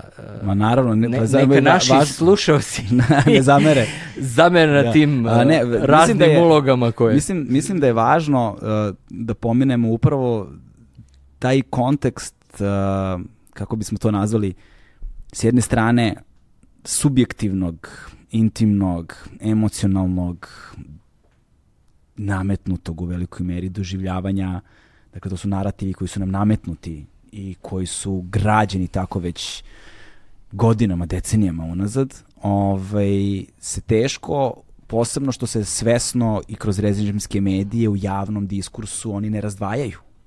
Dakle, oni se nameću kao takvi i nameću se kao zvanični. Posebno među mlađom populacijom. Ovaj, ne postoji pa, na, verovatno ćemo i zbog ovog razgovora naleteti na brojne, jel te, ovaj, hajde da kažemo, upotrebujemo eufemizam ne isto mišljenike. Izvini ako ti odbijam slušalce. Ne, ne, ne, ne, ne, ne, ovaj... Morao si da razmisliš pre nego što si mi ponudio. Šalim ni, slu, ni slučajno. A možda je to huk neki pa da pa, zna, privučemo ono šta priča ovaj Varga. Da, mislim da mora da postoji uh, u, u javnom prostoru uh, mesto gde može da se otvoreno razgovara ovakvim stvarima To je pravo mesto. Da, i u kojima imamo dovoljno vremena da razgovaramo o ovakvim stvarima, ali između ostalog i da ih račlanimo. Baš njihovim direktnim sučeljavanjem. To je kompleksno. To je da. kompleksno. I to je toliko protivrečno ponekad. Mm. Isključuju.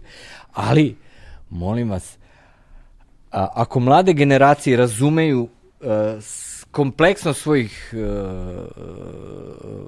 tehnologije koja dolazi, mm, softvera, mora je razumeti i društvene procese. Znaš šta, to isto ali e, tu, mislim da tu nailazimo zapravo na razumemo i laženje. Mm. Jer mislim da ne razumeju. Činjenica da umeju da ih koriste, da su spretni u korišćenju savremenih tehnologija, a, sa kojima su rođeni praktično, jel to, rukama. Ovaj, da su negde produžetak njihovog identiteta, njihovog ja. To ne znači nužno da oni to razumeju to ne znači nužno da time što imaju dobro, vešto i brzo, precizno da barataju njima, da zapravo razumeju njihovu unutrašnju prirodu uh, i, i tendencije ovaj, i način na koji se one koriste rabe i kako ti mehanizmi, posebno kada govorimo o kontrolisanju informacija. Jer, ono, kako Filip K. Dick pisac govori, čovjek koji kontroliše reči i njihova značenja kontroliše ljude koji moraju da ih koriste a mi živimo u prvu vremenu građenja narativa i destabilizacije poverenja u one koji nam te narative serviraju. A onda imamo i strahovitu ono, lavinu fake newsa, jel tako, i svega što se dešava da ti jednom kada uključiš društvene mreže ili kada odeš na neki portal ti više nemaš pojma kome možeš da veruješ i da li uopšte nekome možeš da veruješ. I onda kad počnemo da gradimo narative sa nemanjem referentne tačke u odnosu na koju merimo šta je istinito, a šta nije, dobijamo ovo u čemu živimo danas, gde više zapravo ne znamo šta se dešava, zaista. Tako, Ov... bez startne dobre teze nema nema. Nema, znaš. I onda ćemo Premise, i onda i onda imamo tu duboku polarizaciju gde garantujem ti da veliki procenat ljudi koji sluša i čuje ono što ti govoriš će reći ovaj priča gluposti i to Naravno. je to. I to je to nema, nema daljeg rašlanjavanja toga. To samo se povuče, ima jasna demarkacijna linija i zdravo. Da, da. Ko, e, svi žele da čuju ko je pobedio, ko je izgubio i sa koliko je pobedio i mm. kako je ovo izgubio. To je nešto. Da. Ovaj, e sada... A, Nećemo mi o tome Nećemo, da, nećemo, da li je neće, nećemo, Putin ima, pobedio da, ili izgubio. Ovaj, imamo puno, mm. pa znaš šta, meni se iskreno deluje mi iz ovog ugla u ovom trenutku sada kada mi snimamo, ne deluje mi da je Putin pobedio na duge staze. Ne deluje mi i to je nešto što mislim nam je tema ovog razgovora između ostalog. A, ja zaista ne razumem šta treba sada da se desi u Ukrajini. U kontekstu šta? Okupacije. Mislim, jedna da, stvar je... dobro je pitanje kako će se razvijati. Kako će šta se, su, mislim, šta su scenarija? Jed, jedna stvar je ući i zauzeti, ali sasvim druga stvar držati. To se ne može držati, zato se išlo na svrgavanje, zato je stalno o, ova najava Putinova denacifikacija i uh, demilitarizacija. Znači oni su i uništavaju svakodnevno i svako časa iz, iz sata u sat ovaj, infrastrukturu vojnu. Taj proces e, traje. E, drugi deo tog procesa jeste da se Ukrajina opredeli kao neutralna. Mm -hmm. Mada je Ukrajina pred sam konflikt krenule su neke, neki probni baloni da je ambasador u, u Velikoj Britaniji ukrajinskom izletu da bi Ukrajina mogla da pristane, što je odmah Peskov i Lavrov da su dobro u, jedna, jedan od zahteva Rusije pre napada je bilo da Ukrajina proglasi neutralnost. Znači da izbaci iz svog ustava, mislim, ma šta to značilo, ali on sad objašnjavam šta je verovatno. Jer Ukrajina ima u svom ustavu e, zabeleženo da, zapisano da je ona sa stremljenjem država koja stremi prema Europskoj uniji i NATO. Znači, od toga bi morala Ukrajina da se odrekne. To je jedna stvar. A denacifikacija, a, narativ koji su stvarali od Majdana a, i Putin, političari, i ruski mediji, i, i, i ja to tačno vidim u srpskim tabloidima, na mrežama, evo danas mi pišu na moj Facebook, sve to što mogu da pročitam na, na ruskim, redko kad idem na ruske te mm -hmm. sajtove i medije. Ja mislim da ja to ne, ne pratim od neke od rata u Gruziji 2008. Do 2008. još sam pratio ruske medije. Ja mislim da, da takvu količinu manipulacije i dezinformacije nemoguće da. pratiti. To Oni su kraljevi toga, globalno. Ako znate malo ruski, evo, uključite te kanale, imate milion tih kanala. Denacifikacija, oni su sve vreme pokušali da kažu ti koji žele za Evropsku uniju, ti koji su svrgnuli Janukovića, pa to su nacisti, to su banderovci. To je ona organizacija, Stepan Bandera je bio jedan od lidera organizacije ukrajinskih nacionalista koji je bio marionetska, kako da kažem, u stvari čak nije imao ni vlast u, u, u Ukrajini, već je bio samo kolaboracionista i ruskoj javnosti je, još jednom kažem, dehumanizovan za Ukrajinac koji želi da ide prema zapadu. Na taj mhm. način da je svaki od njih nacista. Vi morate da nađete nacistu i morate da ga uništite. To što je opasno u svemu ovome, da ukoliko Putin uspe da zauzme nešto i koliko teritorija uspe da, da, da, da, da zauzme u Ukrajini, verovatno će nastati strašan revanšizam. To će biti mnogo gore nego na Krimu. Jer na Krimu je to tada je počinjalo. Ja mislim da će to biti na nivou čistki staljinskih jednog obračuna sa nacistima, kako šta se radi sa nacistima, jel? Da. Jasna je poruka šta se radilo sa nacistima. To je opasno. Međutim, opasna je i poruka da oni koji žele u Evropsku uniju prema zapadu, oni su nacisti čekajte, jer su onda ovi što su i na zapadu isto nacisti.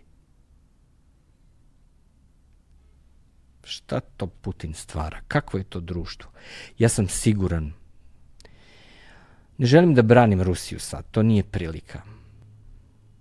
Ja znam drugačiju Rusiju. Od detinjstva, od uh, uh, perioda uh, kada sam otišao na studije, bio sam imao sam prilike da budem u Rusiji. Putin je uništio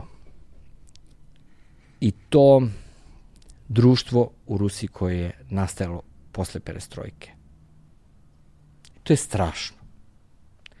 Ja se pitam, da li su ti ljudi toliko lobotomizovani? A jesu. I mi smo bili. Pa mi smo sada pogledali ovo. Sada smo. Zašto nismo zaustavili tenkove koji su išli na Vukovar? Zašto nismo bili smo lobotomizovani. Mm.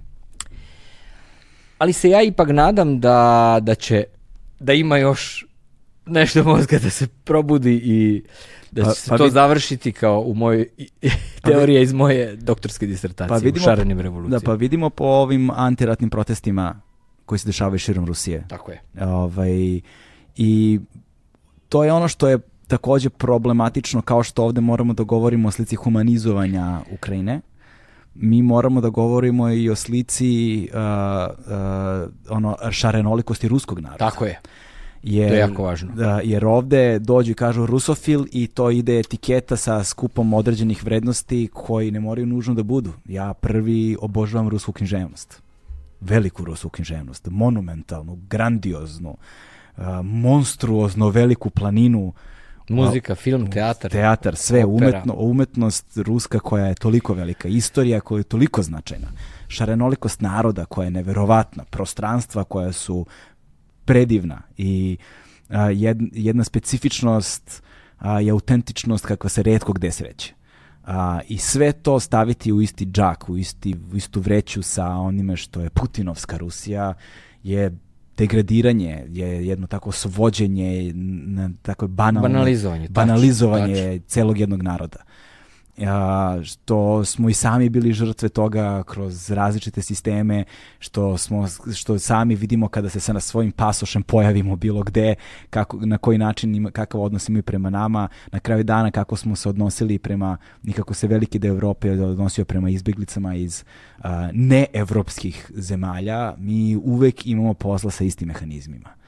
Ovaj, ti mehanizmi su kao dvosmerna ulica, važe za svaku stranu i mi volimo nekako da tom banalizacijom delimo svet na crno i belo i da ga, jel te, posmatramo na taj način da budemo za i protiv.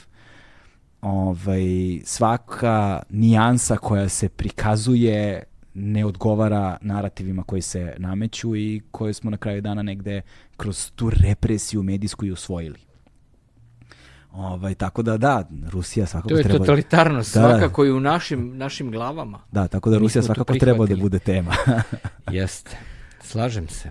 Ovaj, e sada... U konzu... I, I njih ako pritisneš i suviš, oni će se braniti. Mm -hmm. A, e, ni nama nije bilo prijatno kada smo iz Srbije izlazili pa neko kaže čekao ovaj iz Srbije, on je agresor kao Slobodan Milošević, jel? Da. No, ali mislim da ćemo mi još tu zamene teza um, slušati e, u, odnosu na to kako se e, formira slika pobednika i gubitnika u ovoj ukrajinskom ratu. E sad, to je, sad, to je mislim da je sad, sada jedna ono, ovaj, ključna, klju, ključna stvar koju treba da govorimo, odnosno govoriš, a, a to je dakle, niko nije verovao da će agresija da se desi dok se nisam odjednom desilo u 5 ujutru 25. februara, ali tako? Ovaj, onda su mislili da će to da bude samo u pograničnom jel te, delu, ali onda nije ni bilo u pograničnom. Onda su mislili neće valjda trupe da uđu, onda su trupe ušle. ovaj, onda će valjda to biti samo vojni strateški ciljevi, onda su bili civilni. Ovaj, a onda imamo ovo što smo malo, čemu smo malo pre prisustovali, gde mi zapravo govorimo o jednom onom totalnom ratu, mislim. Onda uh, onda se desilo s druge strane ono što čini mi se je neočekivano Putin nije očekivao, a to je podrška međunarodne zajednice na način na koji se desila sa kupovinom naoružanja, sa i tako dalje, pa onda sa sankcijama koje su bile sve strožije i strožije, pa sada i sa ukidanjem, jel te, sa Swiftom i sa ostalim ovaj, elementima i a, mi sada imamo jednu, čini mi se, ispravim ako grešim, vrlo neizvesnu situaciju. Baš vrlo neizvesnu, ali neizvesnu u kontekstu katastrofalnih posledica, ne tako jednostavnih, jer evo, šta znači ovo što smo ju, ili juče ili prekiče bilo sa uh, nuklearnim naoružanjem, šta to zapravo znači? Šta, šta, šta te rečenice izgovorene, kako treba da ih tumačimo? Probajte da se mešate. Držim prst na dugme. Samo da pritisnem. Uh, pa da, ovaj, uh, pod određenim pretnjom i, i pritiskom Putin pokušava da završi to što je počeo. A koliko su te pretnje realne? Nisu realne, međutim, međutim ja mislim da, upravo to da. sam htio da kažem, mi ulazimo u sferu toga, to, tolike neizvesnosti, uh, da mi se plašimo da izgovorimo da li smo mi u trećem svetskom ratu, već sad, ili ćemo uskoro biti. Ishod je moguć, jer dok smo u početku govorili o, o tom nekom kontekstu, A, govorili smo o nekoj Evropi koja je bila od raspada Sovjetskog saveza pa sve do napada na Ukrajinu. E sad ovaj napad na Ukrajinu menja stvari jer sve vreme smo imali um, situaciju gde imaš neke faktore suzdržavanja. I, I teorija kaže da je rat manje moguć dok su više prisutni mehanizmi suzdržavanja. To je ekonomija, to je neki balans snaga, to je politička recimo. Sada je to nestalo za nekoliko dana. Vi ste prekinuli SWIFT, vi ste prekinuli bankarske ovaj vi, korišćenje visa kartice uh, ove usluge uh, plaćanja uh, oboren je rubalj zaustavljen je severni tok svašta može da se desi Domaći brend garderobe Legend Worldwide je prijatelj Agelast podcasta na audio platformama. Ipak ne bih hteo da budem pesimističan i sve vreme. Ali ne može budeš ni bio... optimističan, znaš. Tako je, to je nešto između. Mi treba da smo zabrinuti, da dajemo analize um, obrezno, ne baš iz sata u sat kako se menja, jer se tu isto uh, prave, uh, kako da kažem, uh, nove, nove varijante. Mi tek sada saznajemo šta je Putin hteo kad vidimo da mu to nije uspelo. Znači, prvo je tražio napismeno odricanje od, zato je i pretio. Znači, on, očigledno da su svetski lideri znali. On je rekao, ja ću udariti na Ukrajinu ako vi ne potpišete. Ali to je izgleda bilo ultimativno u smislu da on je znao da to neće potpisati, pa je računao da će ipak naterati Ukrajinu da uh, Ukrajina sprovede sporazum iz Minska, to je mirovni sporazum, i da prizna specijalni status. Šta znači sporazum? Šta, šta podrazumno sporazum iz Minska? Miran, Minski sporazum uh, mirovni ili takozvani Minsk 2 je sporazum koji je potpisan 2015. početkom godine. Potpisan je tako što je Rusija takođe pritisla u tim separatističkim krajevima, napravila je u, u, u posredništvu, u, u posredstvo uh, separatista rat i uspeli su da naprave velike gubitke ukrajinskoj vojsi i počeli, počeli su da se kreću prema, prema zapadu, znači ulazeći sa teritorije Rusije na teritoriju Donjecka i Luganska i šireći svoj uticaj. Ovo se sada dešava. Pogledajte sad karte, ali e, e, mi vidimo jedno napredovanje u, u tom. U, daleko veće nego tada 2015. I u strahu e, Kijev i Porošenko potpisali su taj Minsk 2, sporazum iz Minska, pre toga je bilo nekoliko meseci, pola godine pre toga Minsk 1, koji je zaustavio prve ratna, prva ratna dejstva i onda taj mirovni sporazum Minsk 2 je zaustavio druga ratna dejstva i na tome se stalo. I sedam, tačno sedam godina ništa se nije dešavalo. Posle, mm. posle toga smo sada dobili rat koji je nešto drugačije. Znači oni su svakako krenuli sa istoka, sa Krima i gore ovaj, sa, sa severa, s tim da je cilj bio da se zauzme Kijev i tako dalje. Jer se tu sad menja, pa nema smisla da mi ulazimo. Verovatno, uh, još tada, 2014. smatralo se da bi, a to je bilo jedno od tvojih pitanja, uh, da bi Putin mogao da spoji, sad već kad tog sveta nema kad smo isključeni od Swifta, njemu je, sad ne mogu da kažem sve jedno, nego on želi da, da napravi što veći uspeh na, uspeh na vojnom planu. I on a, će verovatno spojiti Pridnjestrovlja, a Pridnjestrovlja, to je separatistički kraj, to je zamrznuti konflikt a, u Moldaviji. Znači, mm. to je sličan separatistički kraj kakav je Lo, Lugansk i Donjec, kakav je bila Abhazija i Južna Osetija u Gruziji. To. I mi kad gledamo kartu Sovjetskog bivšeg saveza, E, taktika post komunističke Rusije je bila da svugde na granicama na, na, na, na, na ključnim tačkama napravi po jedan zamrznuti konflikt kako bi mogla da ga odmrzne po potrebi. Tako je.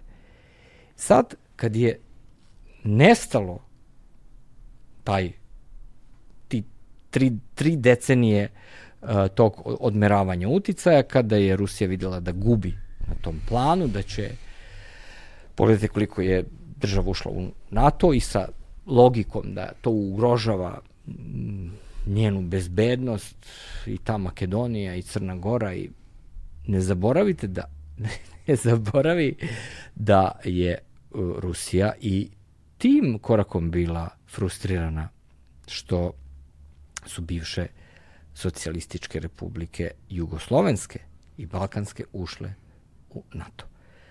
Tako da a, cilj je drugi da se spoje te republike koja već 30 godina i te vojne baze koje Rusija kontroliše i da se odseče to Ukrajinu od e, Crnog mora, što jeste takođe jedan od e, razloga ovog rata i, i, i rata u Donjensku Donbasu. I svakako o, ima tu tri konteksta kada se gleda ova kriza i rat u Ukrajini. Prvi je energetski, mm. evropski i uopšte evropska bezbednost i transatlantska transatlantsko savezništvo gde imamo dva smera, jedno je transatlantsko i drugo je ona osa koja je počela da se razvija Berlin-Moskva, koja je sada uništena. Znači, za jedan dan to više ne postoji. Čekaj, ajde. Ali i Rusi su napravili fantastične korake prema u, u tom smeru. Ajde, da nisu sam, ajde, napravili ajde, da, ajde. ovu agresiju. Ja verujem da bi njima uh, uspelo za pet godina. Da, hajde da objasnimo sad sva ta tri ovaj, da. pona, pona osob. Da.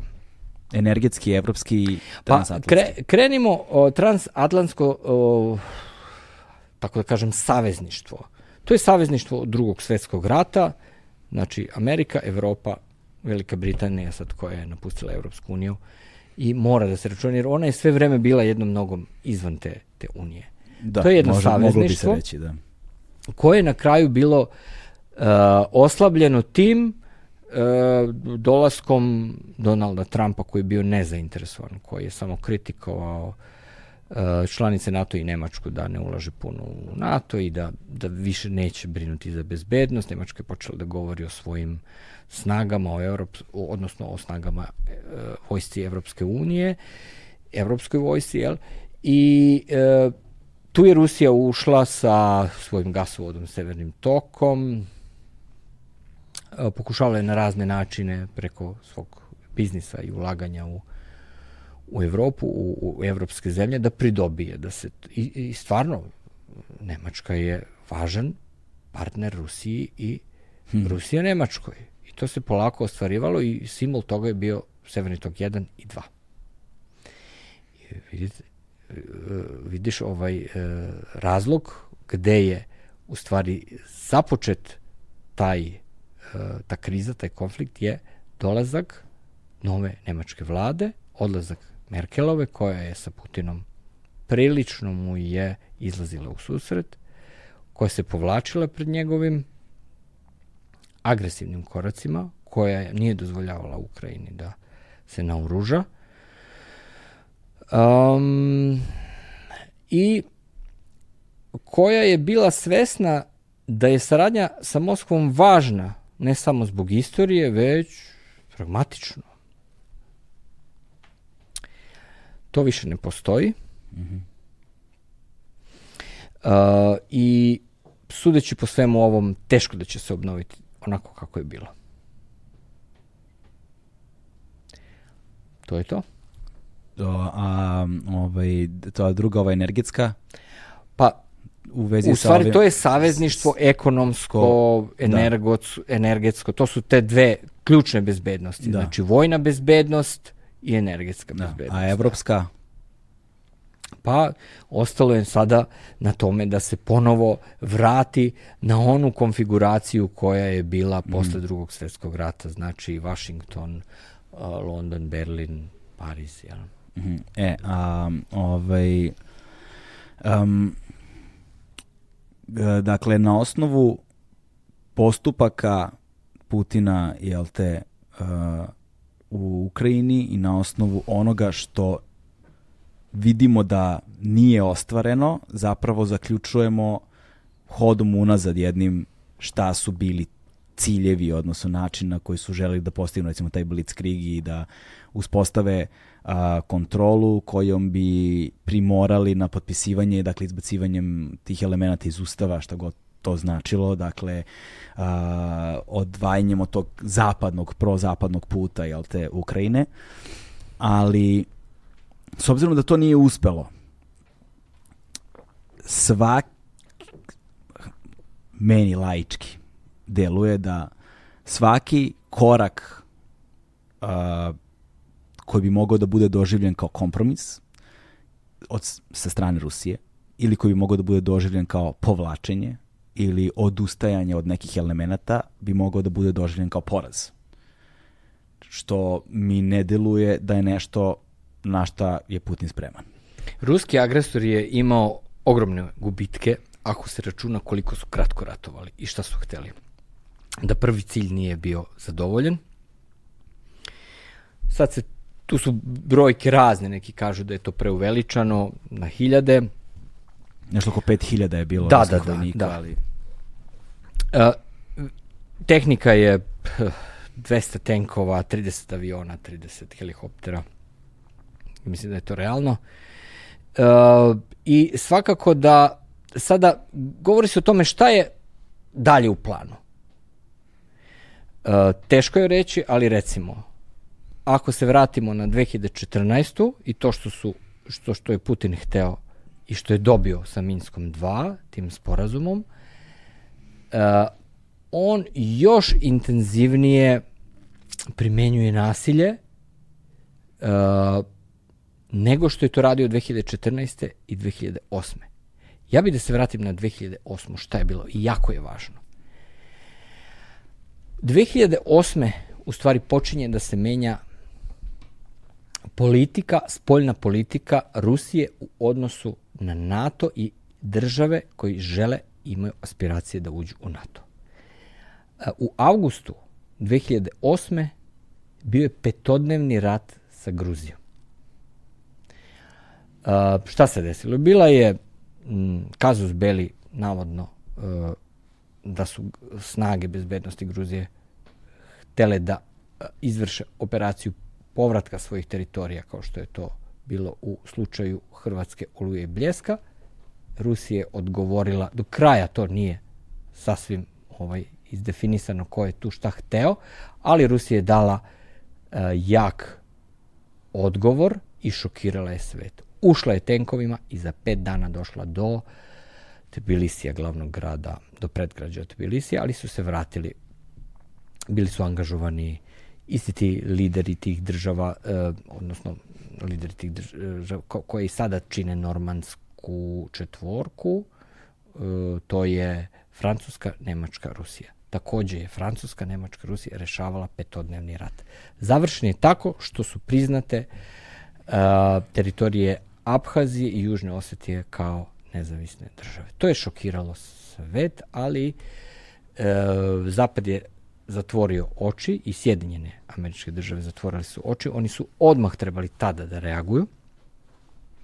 E, mnogo žešće prema Rusiji. Neke sankcije su bile uvedene, neke mere koje su se već i zaboravile. E, Sledeći korak je bio 2014. aneksija uh, Krima bez ispaljenog metka i rat u Donjecku i Lugansku. Znači, uh, separatisti uz podršku Rusije uspeli su da zazmu čak ni dve oblasti. To je, to je mali deo, relativno velike, ma, ma, relativno mali deo u odnosu na veliku teritoriju Ukrajine. I uh, 2015. poslednji, ra, poslednja ratna dejstva su bila veoma ozbiljna i svi su mislili da će doći do podele Ukrajine. Mm -hmm. Meni izgleda to, znači, to je moje individualno mišljenje, uh, s obzirom na razvoj događaja teško da sve ovo što sad iznesem da će to da će to i da se ostvari, ja. ali recimo jedno od mojih mišljenja jeste da uh, jedno od varijanti uh, koju bi Rusi mogli da primene jeste da uh, zauzmu jedan deo teritorije. To bi bila recimo Sonja Biserko je rekla dejtonizacija Ukrajine. Znači podela na neke sfere koji će kontrolisati Rusi i koji će kontrolisati ukrajinske vlasti sada. Dejtonizacija mi zvuči kao komplikacija. Veoma. vrlo, Da. vrlo, da. Neko je jednom, lepo, neko je jednom prilikom lepo rekao, kaže da je Dejtonski sporazum španska kragna Bosne i Hercegovine. S jedne strane ovaj, drži sve na okupu, s druge strane ne dozvoljava bilo kakav napredak društva. Ono. I Recimo. onda si zarobljen, recimo na nešto, to je opet sad jedno pojednostavljenje, ali Pa, nažalost, mi moramo tu sad, Da, da. ali nam dozvoljava taj format da nešto pojednostavimo. Da, da. znači, em, to su ipak neke, neke onako pogledi koji e, bi trebalo malko e, bolje izanalizirati i predstaviti. Ali to su neki trendovi. Drugi je e, varijanta Severne i Južne Koreje. Znači da se Mm. podeli, sa jedne strane će biti Zapad i NATO vojska, sa druge strane Ruska vojska. I treća e, jeste u stvari prodiranje ruske vojske svugde, na sve teritorije Ukrajina. Ukrajine, ne mogu da kažem sirijski scenario, ali potpuno razaranje gradova i ne možemo da ne budemo zabrinuti i da, da ne, ne mislimo o tome i o tim takođe ovaj, Mislim, slike koje dobijamo nuklearnim pretnjama, tako je. Današnja slika Harkova govori da je to takođe nešto što ne može u potpunosti da se isključi. Znači, Mislim, zapravo nam da, tre- da, te današnja, slika, priče. da, današnja slika Harkova nam govori da je to vrlo realan scenario u stvari. Da. Nažalost, ovaj, barem na osnovu ono malo informacija koje dobijamo u ovom trenutku Da. ovaj, i slike koje vidimo koje ovaj, ali Otpor, izvini molim te, otpor sovjetskoj armiji u zapadnoj Ukrajini je bio do 50, do sredine 50. godina. Ne znam šta bi morao da primeni Putin na zapadnu Ukrajinu, Lavo i taj, taj deo zapadni, da bi ovaj to pokorio. Ne znam koje oružje, ne želim da izgovorim tu reč, a izgovorili smo je više puta. A, nadam se da, da niko neće takve, takvo oružje i takve rakete koristiti ovom. Međutim, mislim da sve treba da bude zabrinut. Mislim da je ovo odgovor, odličan odgovor agresoru i Rusiji. I ja mislim da je ovo lični Putinov rat. I koliko je to strašno što je sve dozvolio da jedna grupa ljudi, jedan čovek, jedan personalni režim drži prst na dugmetu svima nama nad glavom. Nadajmo se da ćemo Da. iz svega ovog već sad izvlačiti neke, neke pouke Da. i, i, i delati. Ja sam jako skeptičan za, za Balkan. i za- Mi nismo raščistili ni sa drugim svetskim ratom, to što si govorio što je Dubravka rekla, ni sa ovim što je bilo od 90-ih. E, potencijal revizionistički je ogroman, da, revanšistički ne, ne, ne želim ni da slutim koliki je, ali svako jedno ovaj jedan uspeh Putina mogao bi da duva vetar u krila raznim snagama. Takođe mislim da ako ja se nadam na jedan um, kako da kažem, jedan scenarij o kome se ja najviše nadam da će da uh, ipak združene snage Ukrajine i Evrope da potisnu Putina negde do nekih granica tamo istočnih, da će Rusija da kontroliše jaki, jako mali deo, odnosno te republike koje je priznala. Jer zašto bi ona priznavala LNR i DNR? LNR je e, navodna Luganska narodna republika, a DNR je Donjecka narodna republika. To su ovaj, ti, ti krajevi koji... I koliko je to stanovnika? ne bih mogao reći, ali recimo, jer tu je 2 miliona stanovnika. Sad, računajte ra, da je to um, 700.000 milion je evakuisano, Čoveče. Koja evakuacija je?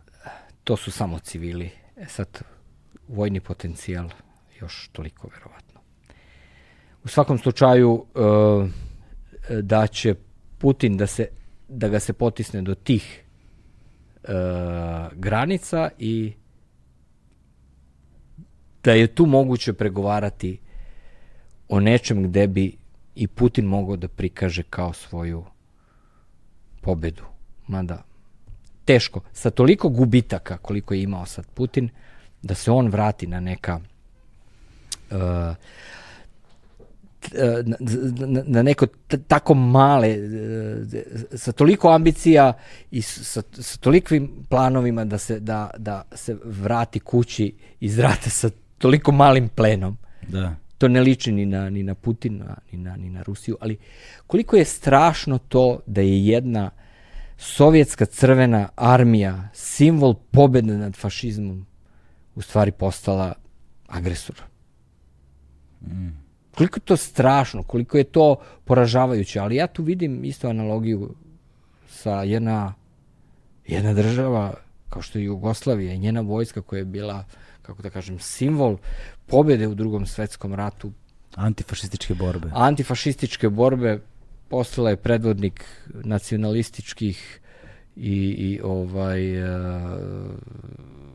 neko ko je krčio put paravojnim i revizionističkim snagama, to je strašno. Znači, to je jedan, ali Jugoslavija je ipak bila daleko manja, to nije super sila. Mi ovde imamo super silu i ne znamo kakav je ishod kada mi imamo jednu takvu transformaciju sovjetske vojske da. iz nekog ko je pobednik u drugom svetskom ratu, koji je simbol moći, koji je simbol uh, stvaranja Ujedinjenih nacija i, i o, o, ove o, nove posleratne postave Saveta bezbednosti, jedne nuklearne sile koja prerasta u agresora koji preti, otvoreno preti demokratskom evropskom svetu i e, preti potpunim uništenjem, preti nuklearnim naoružanjem.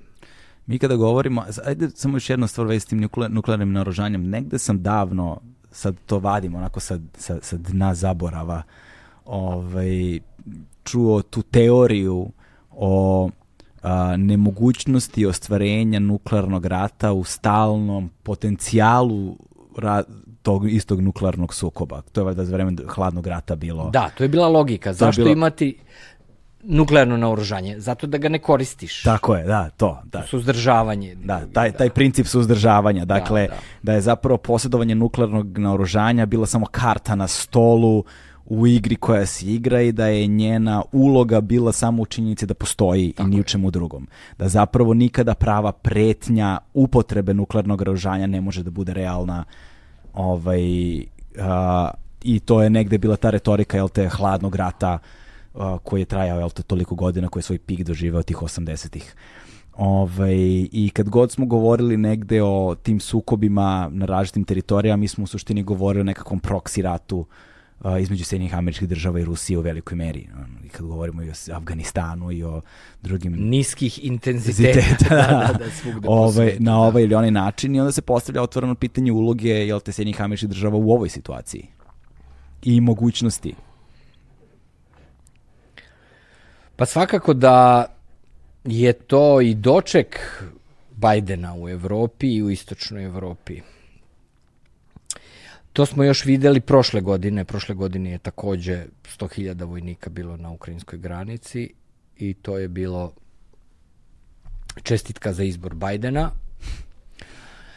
Um, a sada, s obzirom da se Amerika vratila u Evropu i da Evropa e, posle Merkel više nije bila ona koju je e, Putin smatrao tim tvrdim saveznikom, on je hteo da diktira jedan tempo, da izbaci Sjedinjene američke države kao tu, tu vezivno tkivo transatlantske saradnje i evropske bezbednosti.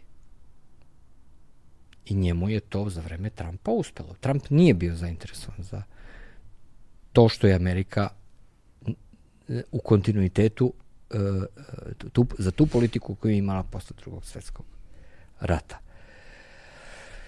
E, mislim da još uvek Putin računa na, na tu uh, disharmonizaciju na, na, na zapadu. Međutim, prateći sva zbivanja okolo, mislim da su tu šanse minimalne. Mislim da, da se već svako uplašio za za svoju bezbednost. Hmm. A, kad govorimo o uticajima, jel te, na drugih sudbinama drugih, a, moramo da se ostanemo na trenutnu aktualnu situaciju ovde, na predstojeće izbore koje nam, jel te, u trenutku kada mi ovo snijemo, danas je 1. mart, čini mi se, Ovaj, danas je 1. mart, mart dakle 3. aprila nas čekaju izbori. Ovaj, a, poziciju, zvaničan stav Republike Srbije smo videli, jel te, pre neki dan a, izjavom našeg predsjednika, a, gde smo se svrstali samo mi i Belorusi, čini mi se, a, u kategoriji onih koji jel te, nisu niti uveli sankcije, niti išta a, Rusiji. I šta to govori o poziciji čuvenog a, termina sedenja na dve stolice a, u ovom slučaju? I, je... i, i, izvini, i, i rečeno je, pročitao sam da je time Srbija zaustavila svaku mogućnost priključenja Evropskoj uniji u budućnosti. Što je opet, čini mi se, malo oštro i ne možda toliko tačno. Naravno, svako mora od tih uloga... Da odigra svoje. Da, da odigra svoje. Ali šta je realnost? Očekivalo se da a, kriza i, i, a, porast tog opasnosti od rata da će svakako naterati Srbiju da ne sedi na dve stolice, da će se više pratiti srpska spoljna politika, srpska bezbednostna politika. Ima tu četiri poglavlja vezana za Rusiju. Znači, e, četiri poglavlja u pregovorna sa Evropskom unijom Srbija ne može da zatvori zbog prisustva Rusije. Koja četiri poglavlja? Na pamet ne znam, 31. 20, prvo 35. Znaš, možda, sad ćemo, da, aha, da, da, da, da. Odnose, da. Znači, e, to, su, to je poglavlje spoljna politika i bezbednostna politika. E, šta to znači? Spoljnu politiku mora da usklađuje ako je kandidat i ako želi da uđe u Evropsku uniju, Beograd, sa Briselom. Mm -hmm. A to mhm. znači, ako Brisel kaže da se uvode sankcije, da prati evropsku politiku sankcija. Bezbednostna politika znači da niko ne kaže da bi trebala Srbija da uđe u NATO, ali svakako da se prati sa kim Srbija uh, vrši vojne vežbe, sa kim uh, ima uh, i, i koja je vrsta uh, saradnje.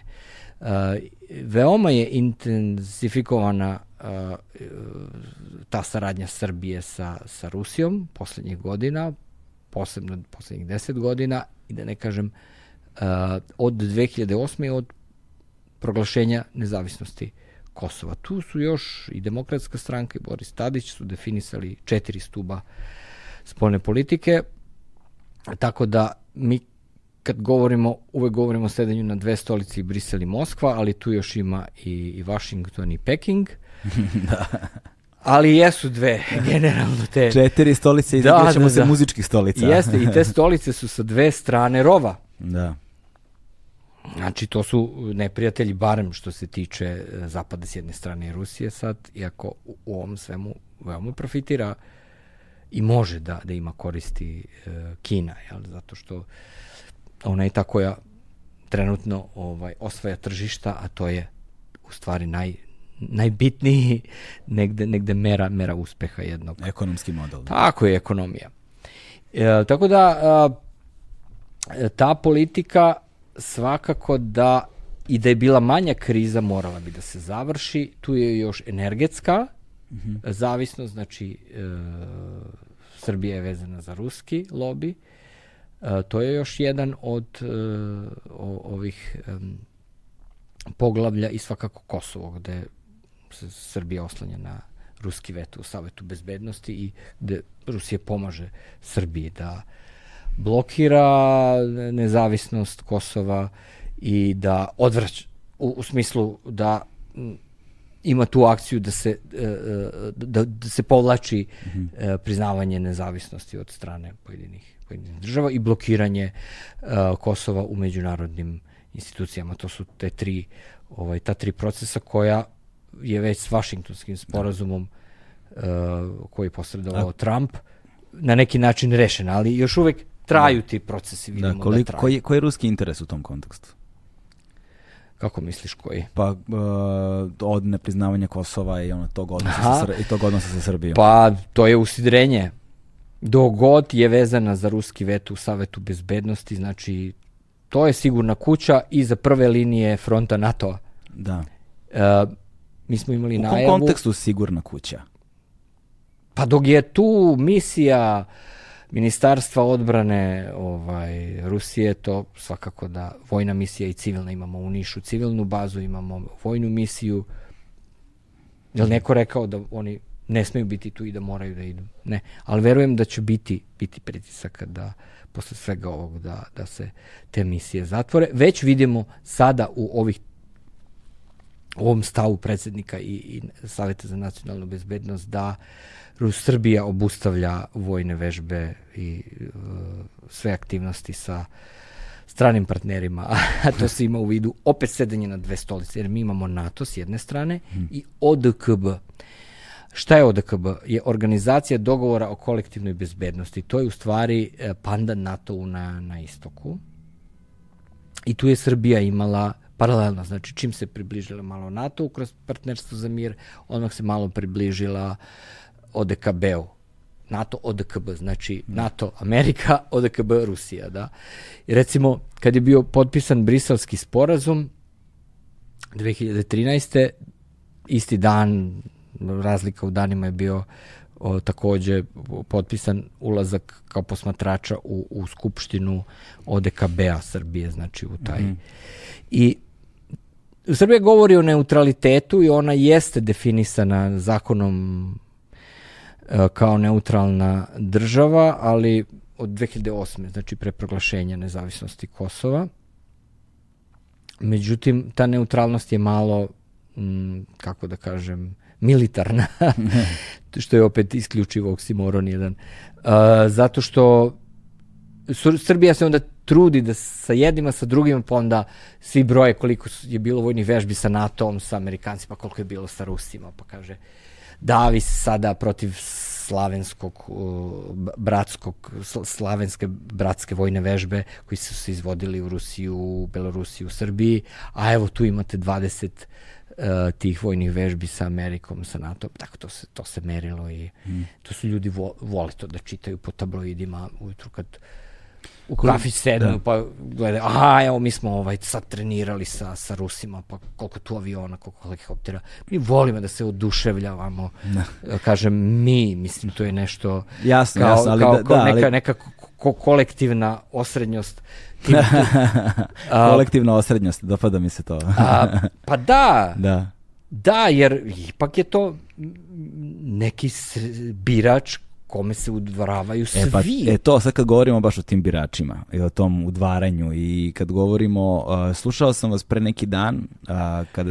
Mene? Ne, da, da, da, ne, misli, ne, ne persiram, nego govorim više A, vas. Dobro, dobro. Da, u množini, u množini. Slušao sam nekoliko vas ovaj, pre neki dan um, i bilo je zanimljivo, govorili ste o tome, odnosno jedan od vas je govorio o tome kako uh, je zapravo ova agresija na Ukrajinu izazvala za veliki šok u međunarodnoj zajednici, neki način, a, i da je sada fokus u potpunosti tu.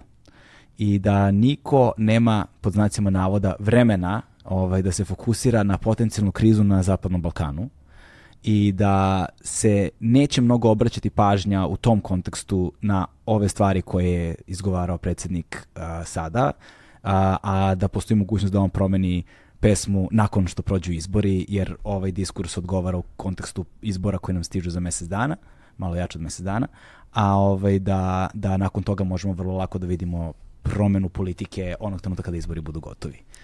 Tačno, pa ja mislim da nismo ni možda uh, od sedenja na dve stolice i stigli do, do tih izbora. Da, da. Da u stvari Zapad govori to što mora, da, da smiri Srbiju s jedne strane, da je obaveže, da je podsjeti, da svojoj javnosti i Putinu da jasan signal da smo mi tu i pratimo situaciju, ali mislim da ne očekuje od Vučića da to on uradi za vreme kampanje. Mislim da ako i postoji ta namera, to znači da se lomi politika i prestaje da se toleriše ta proruska politika, odnosno politika sedanja. I to agresivno. Mm. Međutim, jedna je stvar da su oni prezauzeti ovim zbivanjima i agresijom u Ukrajini, to je jedna stvar. Druga stvar, uh, otvarati još e, jedno žarište, barem političko, e, pogodno za medije, da Putin ima negde saveznike i da ih mi sada pod pritiskom tražimo da se oni izjasne, a kod njih je kampanja, mislim da bi to bilo suviše, e, ne bi bilo mudro da, da se čini. I, I druga je stvar da svakako da posle izbora mm. i, u stvari uh, uh, sve to što se dešava sada u Ukrajini moglo bi da utiče um, pozitivno na pozitivni ishod snaga koje zagovaraju ili promovišu prorusku politiku ili ciljaju proruske birače ili to bi moglo doneti doneti. Ko je zapravo uspeh. realan broj takozvanih proruskih birača ovde?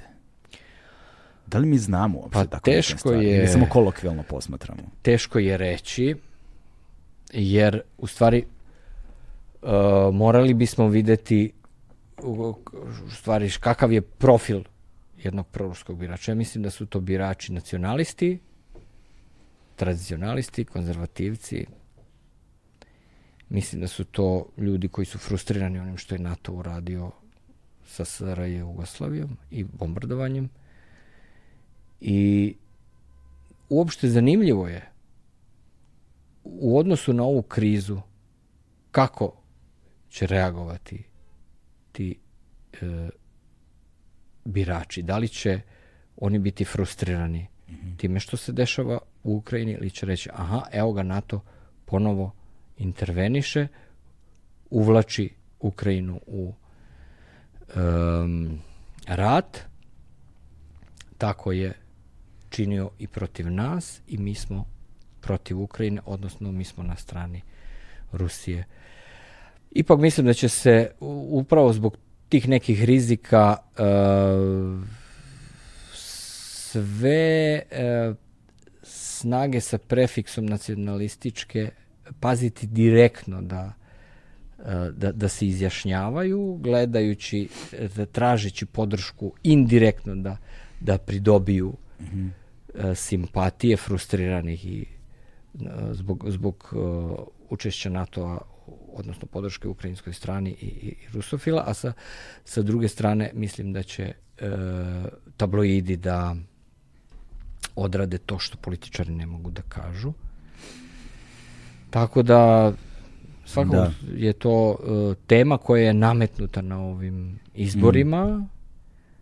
Mnogo uh, više iznenađujuće nego što je to bila zelena, zelena tema koja se pojavila veoma dominantno od jeseni, jel, od, od, mm. od svih tih protesta koji su krenuli protiv Rio Tinta. Tako da i, i antivakserska. To su, to su ti iznenađujući momenti u, u izborima koji se pojavljuju i koji ne mogu baš da promene tok izbora, ali svakako mogu da, da mm. utiču na, na neka raspoloženja. U trenutku dok mi sedimo ovde, dešavaju se takozvana prva runda um, potencijalnih mirovnih pregovora, nazovimo ih tako, da li su mirovni ili nisu, vidjet ćemo. Ovaj, um, ali agresija je u toku, bez obzira što su i pregovori u toku. A, šta ovi pregovori treba da znače a, u potencijalno i praktično u ovom trenutku sada? Mislim da su ovi, ovaj dijalog da je uh, uvod u neke ozbiljnije, mogao bi biti uvod u neke ozbiljnije pregovore u, u Minsku ili u Varšavi. Uh, mislim da svaka strana doživljava odlazak uh, u jedan od ta dva grada kao svoj poraz. Zelenski e, verovatno e, svoju delegaciju ili sebe ne bi dovodio u rizik da šalje u Minsk, jer je Belorusija mm -hmm. u ratu sa i sa njene teritorije Jasne, da. je, su lansirane rakete, ulaznice, trajan da i napad na, na Ukrajinu, a svakako da e, Rusija ne pristaje da se simbolički da se to održava u Varšavi. Govorilo se o, o u Turskoj, o Bratislavi, mm -hmm. čak i o Beogradu. Da, jeste. Ipak a, mislim da su a, to pregovori o predahu. Mm -hmm. i o nekoj Privremenom prestanku sukoba. privremenom prestanku uvod u obustavu vatre. Znači neka, neka prva, međutim vidimo primirja nema, ne daju rezultate, e, vidimo otprilike šta traže strane. Znači e, zahtevi su isti da e, ruska strana traži da se e, Ukrajina opredeli kao neutralna, a Ukrajina traži da se ruska vojska povuče. Da. Tako da to je neka pat pozicija u suštini. Da. ovaj, što se tiče te prve runde, ali možda nam ona otvara, sad to je taj optimistični scenario, znaš, možda nam ona otvara put da u sledeću rundu, koja možda nam otvori put u sledeću rundu, koja može kroz vreme možda malo da oslabi tenziju koja trenutno vlada, da bi se otvorile opcije za neka optimističnija rešenja koja ne bi a, bila pogubna um, po sve nas. uslovno, uslovno rečeno. Znaš, a, da s jedne strane se Rusija ne doživi kao da im kao da doživljava, da, da, da ne dožive a, ne, ne znam kako to da objasnim sad je to moj subjektivni doživljaj da rat koji Rusija vodi je tvrd u kontekstu stava beskompromisan Sve ili ništa. sve ili ništa Tako. da se ide na Zauzimamo Kijev, To. svrgavanje predsjednika. Da. Da. Pa, pa onda kada vide da to ne ide tako treba, ono odmah pretnja nuklearnim oružjem i ti vidiš da tu postoji jedna Ja se isto pitam šta, šta je to sa čim bi Rusija bila zadovoljna? pa to, to, to. Šta, šta sad ponovo treba dešifrovati jer Mm. to što kaže Putin jeste važno. On kaže denacifikacija i demilitarizacija. Znači, ajde recimo da su uništili jedan deo vojne infrastrukture i da mogu da kažu, evo, postigli smo cilj, a denacifikacija ne znam, Da. to, to, je, to su neki maksimalistički u suštini pod nekim pritiskom čak i uh, međunarodne uh, izolacije i sankcija i unutrašnjih protesta, ja mislim da bi upravo od te šifre mogao da odustane Putin. Ali nešto bi morao da ima. A šta u stvari Putin želi da ima teritoriju? Znači, to je ona teritorija što smo rekli. Od Pridnjestrovlja da. preko uh, tog uh, polu, poluostrvo, te nogice što spaja mm. poluostrvo Krim, pa sa Rusijom i uh, Koliko realno da je? separatističkom. Ja mislim da je to dosta realno, da odseče, da, da je to uh, prilično realno. Ali ako bismo gledali recimo jedan uh, još optimistički scenario, a to je uvođenje mirotvoraca. Sad, da li ODKB-a, mm -hmm. to je taj istočni NATO, a bila je tu uh, jedna, rekao bih, uh, vežba upotrebe ODKB-a u Kazahstanu. Aha. Setimo se nemira koji su izbili početkom ove godine u Kazahstanu,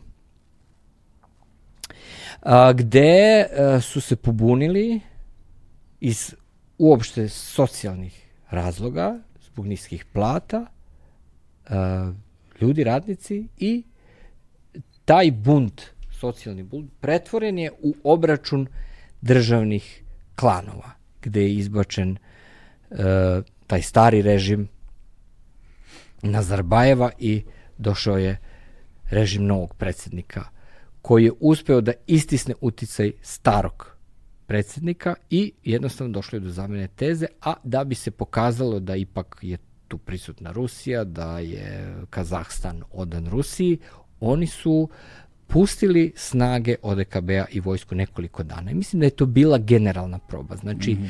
slično bi moglo da se desi u Ukrajini, da uh, ODKB vojska da, da, da formira taj kako da kažem međunarodni, ali to, opet to bi bio to, to bi bili mirotvorci agresora, ne znam da li bi zapad pristao na to. Ujedinjene nacije mirotvorci u Ujedinjenih nacija mislim da bi uh, moglo biti protumačeno kao um, pobeda zapada.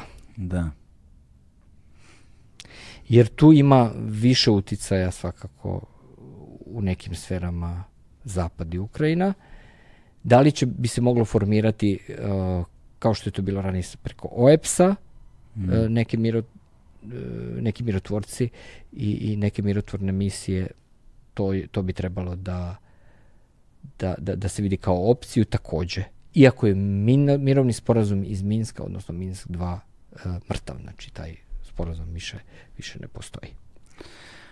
Uh, ništa, ostaje nam da pratimo situaciju, da vidimo šta će se dešavati narednim danima. Uh, pretpostavljam da je naredne dve nedelje ključne.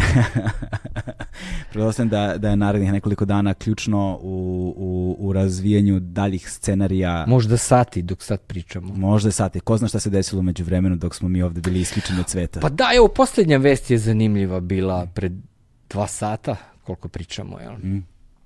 Da je uh, Zelenski imenovao novog uh, uh, glavu Kijeva, u stvari vojna komanda u, u mesto Klička, iz potrebe, zato što verovatno je Kijev toliko ugrožen, mi imamo sada od ujutru uh, veoma intenzifikovan napad na, na Kijev, svi su se uh, fokusirali sve snage se fokusiraju da, da se zauzme Kijev i da se što pre okonča, što bi značilo proterivanje ovog um, ukrajinske vlade i ukrajinskih vlasti ili njihovo zarobljivanje, porobljavanje, smena, svrgavanje, ma šta, ma kako to nazvali sad? Da, da. Pa vidjet ćemo ovaj, šta će dalje biti. Ja znam da si ti strašno zauzet i da si strašno umoran. Ovaj, pa... Da, morali smo da prekinemo. Da, nema veze. Moram da priznam, ovaj, zanimljivo mi je tu etru, da uh, dok pričaš, toliko sam bio ubeđen da sam izgovorio dobro ovaj, neke gradove, a u stvari od tog umora mi već, da, mi već da. pravimo. To, to kad nedelju dana ne, ne, ne spavate. Tak, ali dobro, imali smo prilike da zaustavimo nema i da veze, snimimo. Nema veze, neće ljudi čuti to. Hvala znaš. Galebe za, za, za ovaj razgovor i za uh, ovaj prekid uz osveženje da, da malo Slušaj, hvala vode. tebi, hvala tebi na vremenu. Znam da je strašna frka i da je strašna stiska. Znam da si umoran i znam da si u ozbiljnom poslu moram da ti priznam jednu stvar. Reci. Sve vreme dok pričam, umalo da, da, da pređem na ruski ili ukrajinski. Stalno me vuče, znaš. Da, da.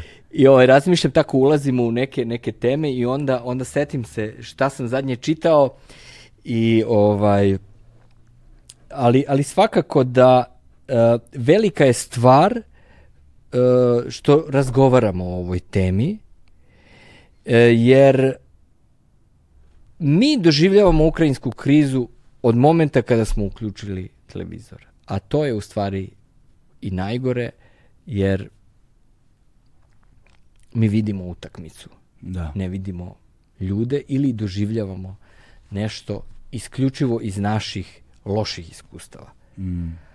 A tu su priče vezane i za NATO, i za Rusiju, mogu biti sasvim paradoksalne i različite. Ako smo nekad doživljavali Rusiju kao oslobodioce, divili smo se 9. Mm. maja vojnoj paradi sovjetske armije. Da. I divimo se i sada. Da.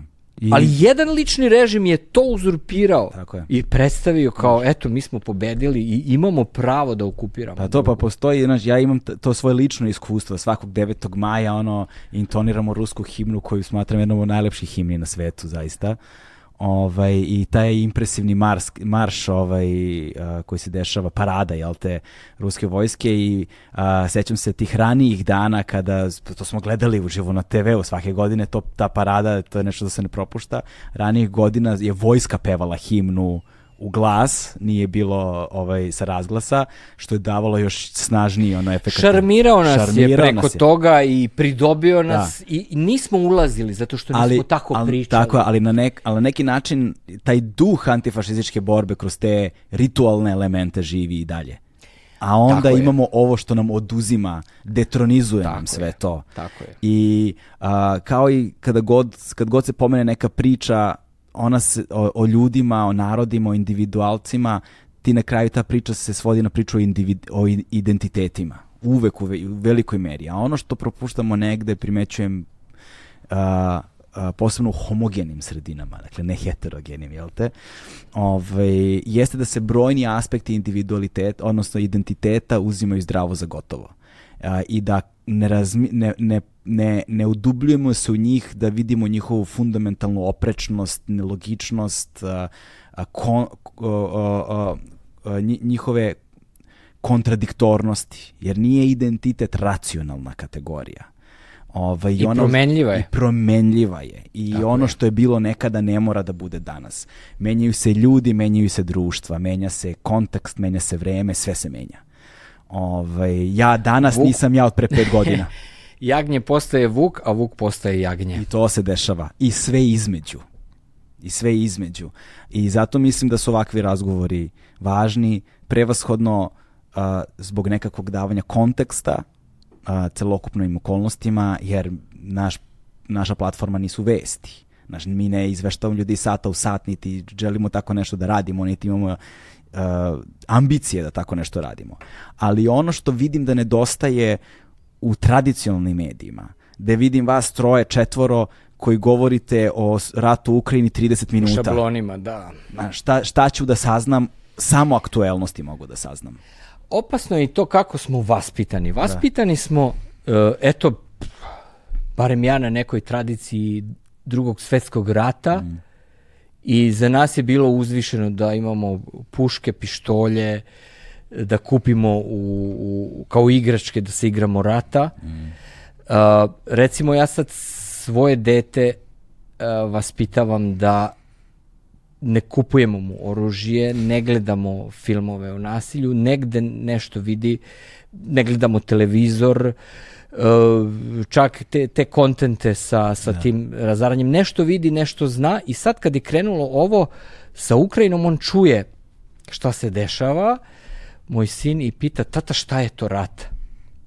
Koliko ja sam ima? uspeo, pet da. godina, ja sam uspeo. Da. Ali to što mi je bilo najteže da mu objasnim Šta je to rat? Da. Jeste, znaš, ja sam, mo, moji roditelji su bili 60 maši. ja sam, naš dete, ono, uh, hipi uh, para koji se jedni i drugi otrgli, Bravo. otrgli svojih konzervativnih sredina u kojima su bili i bili osuđeni zbog toga i nekako živeti ceo život, znaš, u, u ogledalu takvih stvari, ovaj, za mene rat nikad nije bio opcija Znaš, ovaj, čak i kad smo, posebno što moja generacija, mislim, mi smo nekoliko godina razlike, ono kad smo se kad smo bili klinci prvo prvi utici su bili westerni pa smo se igrali kao bojaca i indijanaca ali onda vrlo brzo smo se igrali ovaj policajaca i lopova na, a onda smo se igrali nekih ratnih ovaj igara i upali smo u priču. Upali smo, upali smo Upesali priču, da. smo se ovaj mm. na, na, na neke i, i ušli smo u tu manipulaciju i to je, to je, to je strašno što da. smo... Ja, meni je strašno što svako ko je deset godina a, jugoslovenskih, u stvari ratova na, na prostoru bivše Jugoslavije, meni nije jasno kako posle toga da ne ispadneš pacifista ili hipi. Da. Kako? Ne znam. ne znam, ne znam kako da nakon iskustva koje smo imali na ovim prostorima ne osuđujemo ono što se dešava Tako. u Ukrajini sada. Šta je to u nama? Šta se desilo posle tog iskustva ja, da, da, da mi nismo preuzeli tu, tu logiku i ideologiju ne znam, koju evo, ja sam, ti, recimo? Juče sam, juče sam gledao na N1 uh, uh, vesti i bili su izveštaj sa graničnih prelaza u Rumuniji i Poljskoj.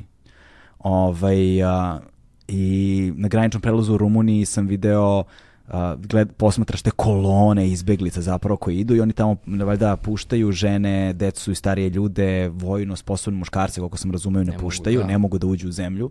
I on ti zapravo vidiš da tim graničnim prelazima ogroman broj žena sa decom i vidiš tu malu, da vidiš te bebe, vidiš te trogodišnjake, petogodišnjake, te ljude koji su ono bebe i de, decu sa onim rukavicama i tri slojeva jakne i pet slojeva ćebadi, da oni tu stoje ko zna koliko dugo. Znaš sad, kao ono otac jel te trogodišnjeg deteta ja znači ili ti petogodišnjeg znači ne možeš da ne projektuješ.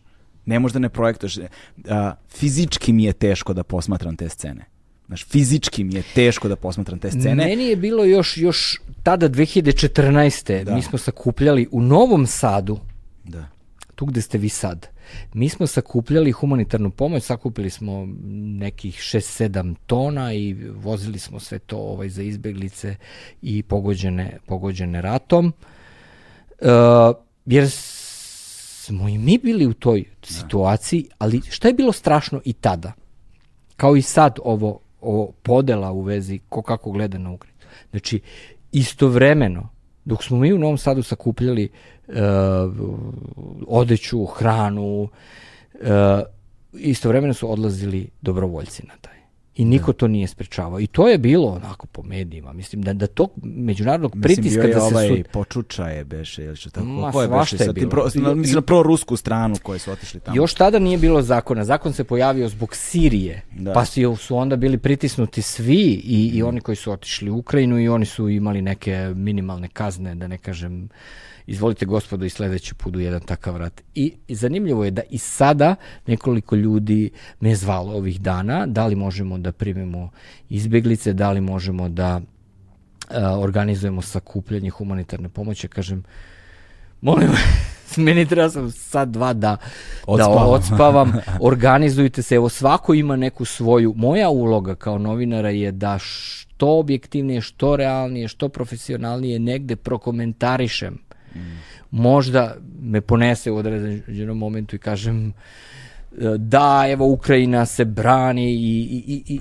i ta individualna, naravno da je to, ali stvarno se trudim da, da sam na strani žrtve, mm. uh, organizuju se u Novom Sadu i sada biće skup, biće tribina, govorit ćemo o, o izbeglicama, jer niko ništa ne reaguje, bar ja iskreno sada jako malo pratim medije na Balkanu, BHSC jezik, Uh, potpuno sam medijski tamo da vidim šta se dešava, kakva je. I još jedna stvar, meni dok mi pričamo tu iskače baš vidim mm. uh, chat da prijatelja koji uh, kojim sam se obraćao kako su, tražio ih, neki se javljaju, neki ne, neko imaju vojnu obavezu pa ne mogu, pa mi se jave njihove mm. supruge i, i, ili, ili deca. Uglavnom, uh, na vezi sam redovno, barem sa 20 ljudi, uh, ne pitam ih šta je u državi, nego kako ste, gde ja. ste, jeste li živi ljudi. I, i duša me boli, nemam vremena di, da izvinite da se naplačem malo. Baš da. bi mi, da, da, da, da, da taj predah bude pa da kažemo, ali evo, uh, drago mi je da se i ovde nevladini sektor organizuje, uh mhm. -huh. da ćemo govoriti o tome i da, da se već dosta ljudi prijavilo, imamo sobu, imamo toliko mesta, imamo toliko da, da primimo, tako da evo na individualnom i da, planu to već postoji da će to preuzeti organizacije koje su sad vidim da je Ukrajinski da. nacionalni savet već, već organizovao sakupljanje I hajde to... samo još jednu stvar za kraj, a, kad već govorimo o tome gde se informišeš? Mala tajna. Što vrag nje uznal što vorog ne vznal. A, da neprijatelj ne sazna. Šalim se, nije... Um, Gde da se informišemo? Šta su relevantni izvori? Koji medijima da verujemo? Na koje feedove da se nakačimo? Znaš, gde su A, najbolji... Ja sam radio, izvini. Vesi, slušam. Skoro 20 godina za BBC, ukrajinsku sekciju i za rusku. Ja njih preporučujem. Stvarno dobro rade. BBC, UA, znači .ua, a, ali tu je barijera jezik. Da. A, ili ruski, dosta se kod nas znalo ruski pričalo. Što se tiče engleskih, na, e, to, to, to najuniverzalnije, ne bih mogao da kažem, ali ti mainstream treba pratiti, mada, mada stvarno preporučujem uh, servise na lokalnim jezicima. Mislim da su brzi sada i, i Deutsche Welle su dobri, ali sa analizama su dobri, najbolji su Deutsche Welle, na, na, se na srpskom. E, Slobodna Evropa je brza, Glas Amerike je brz. E, to je internacionalno. Ali svakako bi predložio e, pratiti BBC na ruskom i na ukrajinskom, oni su sjajni. Ukoliko je moguće, naravno.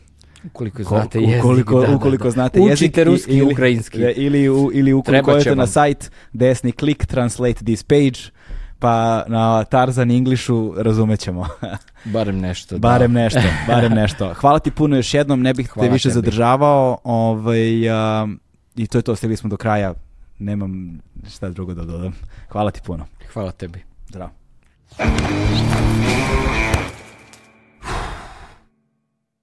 Hmm.